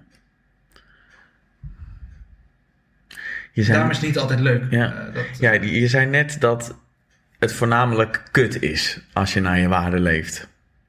ja, in de meeste, veel gevallen wel. Voornamelijk misschien niet, maar... Maar wat is dan kut volgens jou? Nou, als Want- ik als een stier door het huis loop, omdat er weer overal spullen liggen, eh, en ik, maar ik zeg er niks van, Ja. dan in principe is dat niet leuk op dat moment. Nee. Dan voel ik me ook gewoon echt boos. Maar tegelijkertijd, een dag later, heeft het ineens posi- positieve betekenis gekregen. Omdat ik het, mijn eigen drang om iets te vinden, heb kunnen uitstellen om haar autonomie te vergroten. En dan is het... het, het- Oké, maar je zit er dan dus- een korte termijn, lange termijn element in? Ja, nee, Dus in, op- het, in het moment is het een negatieve gemoedstoestand. Maar omdat je leeft naar waarden, is het op de lange termijn, weten we dat je daar meer geluk uit haalt. Ja. dat het positief is. Ja. Maar het vergt wel discipline ook weer om door een negatieve gemoedstoestand te gaan voor iemand anders. Want eigenlijk ben ik zelf beter af Ja. als ik het gelijk, als ik haar gelijk eh plat sla met 24 argumenten waarom het niet, niet, niet daar hoort. Zeg maar. Ja. Is het dan eh, ehm, te linken aan emoties? Ik hoor je zeggen van ja, op het moment zelf ben ik geïrriteerd, voel ik woede, maar ik ehm, handel niet vanuit die woede. Nou ja, je vermogen om. eh, kijk, ik weet niet of Nee, je ik probeer het- slaan, maar het, het, het vermogen om je emoties onder controle te houden, draagt wel heel veel bij aan een beter leven. Ja. Omdat je dan niet reactief bent, maar gewoon rationele keuzes kan maken, zeg maar. En dan, dan is mijn vraag: zorgt het scherp hebben van je waarde dat je beter in staat bent om je emoties in bedwang te Nou, houden? dat sowieso wel. Dat, ja. Maar tegelijkertijd zorgt het feit eh, dat emotiecontrole ook weer zorgt dat je je waardes beter kan praktiseren. Ja, oké. minder Ja, ja, tuurlijk. Ja, oké. Dus die twee dingen zijn eh, het kip en ei, zeg maar. Ja. Wat, wat, wat is eerder, wat is meer waardevol, wat is waardevoller. Ja, Maar die twee dingen die helpen elkaar. ja, Zijn Grappig. versterkend. heel micro, maar ja, als je. Dit is echt micro. Ja. micro. ja, maar goed. Maar het heeft, het is wel de hele dag Snel- wat er de hele dag gebeurt, Ja, die micromomenten. thuis eh, en je wil eigenlijk trainen, want het is belangrijk voor X, Y, Z. Maar je hebt de enorme drang om op de bank te gaan liggen. Hoe sterker je motivatie is om te gaan trainen, hoe minder reactief je zal zijn voor die drang om op de bank te gaan liggen. Ja. Dat is waarom motivatie zo belangrijk is. ja, hoe sterker je motivatie, bedoel je, daar kun je mee bedoelen hoe scherper je waarde hebt. Ja. Hoe belangrijk. Ja. Oké. Oké. Hoe makkelijker het is om die drang uit te stellen. Ja. Maar hoe vaker je die drang uitstelt, hoe makkelijker het ook steeds wordt om gewoon telkens te gaan trainen. Dat is die cyclus eigenlijk op heel praktisch niveau. Ja, dus dat. dat. En ook weer je emotionele controle is gewoon natuurlijk sowieso. Wil je niet rea- te reactief zijn Nee, in het leven. nee, nee, je moet dingen functioneel kunnen gebruiken. Woede, verdriet hebben allemaal een functionele waarde. Maar als je compulsief verdrietig bent of gewoon niet je woede onder controle kan houden, dan zijn het gewoon destructieve emoties. Elke emotie kan destructief zijn. Ja. Ook eh, vreugde. Weet je, als jij gewoon, gewoon disproportionele vreugde ervaart, terwijl er niks is om vrolijk over te zijn, is het gewoon destructief. Want? Nou ja, je kan natuurlijk ook gewoon eh, bijvoorbeeld blij zijn dat je. Dit is heel extreem. eh, blij zijn omdat je een ongeluk hebt gehad. Omdat je dan bepaalde verantwoording kan ontlopen. Weet je, gewoon vreugde die eigenlijk destructief is, Oké. kan natuurlijk ook bestaan. Ja. Het is meer hoe je de emotie inzet, wat Ja. je ermee doet, in welke context, eh, dat zijn waarde bepaalt. Woede kan ook heel functioneel zijn. Bijvoorbeeld vanochtend nog, ik, eh, met Blue, mijn puppy, die moet, weet je, we hebben gewoon bepaalde dingen die we haar willen leren. En als ze het dan niet doe, dan verhef ik mijn stem ook, zonder dat ik boos ben. Eigenlijk, ik moet zo hard lachen soms, maar toch gil ik met een bepaalde toon.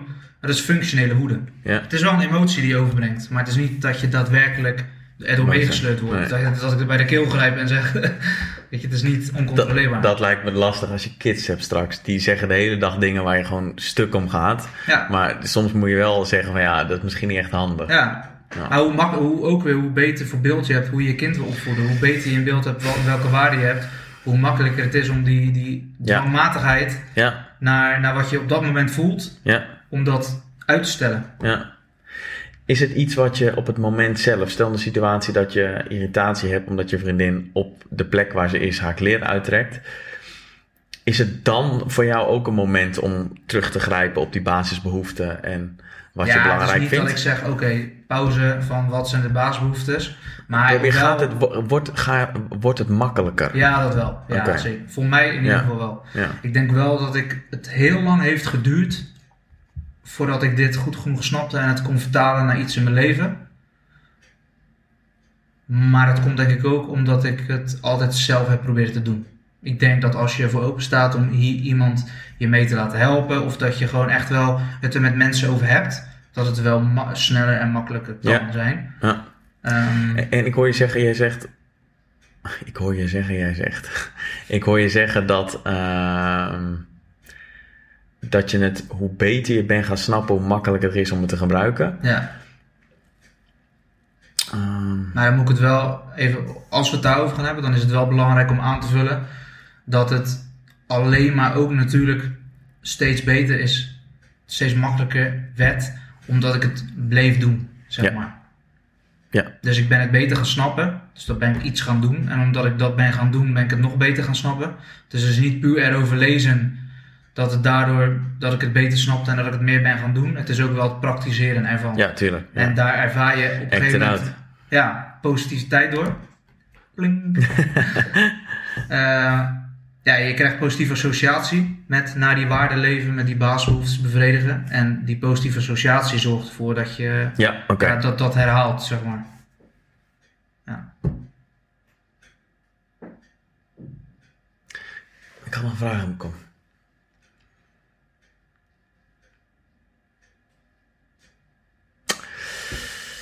Hoe lang zit dat te lullen hier trouwens? Twee uur? Twee uur. Ben jij al Jij eh, bent weer gestrikt. Ja, als we een podcastje doen, een uurtje, gaan we daarna lekker wat eten. Ik zit echt dood.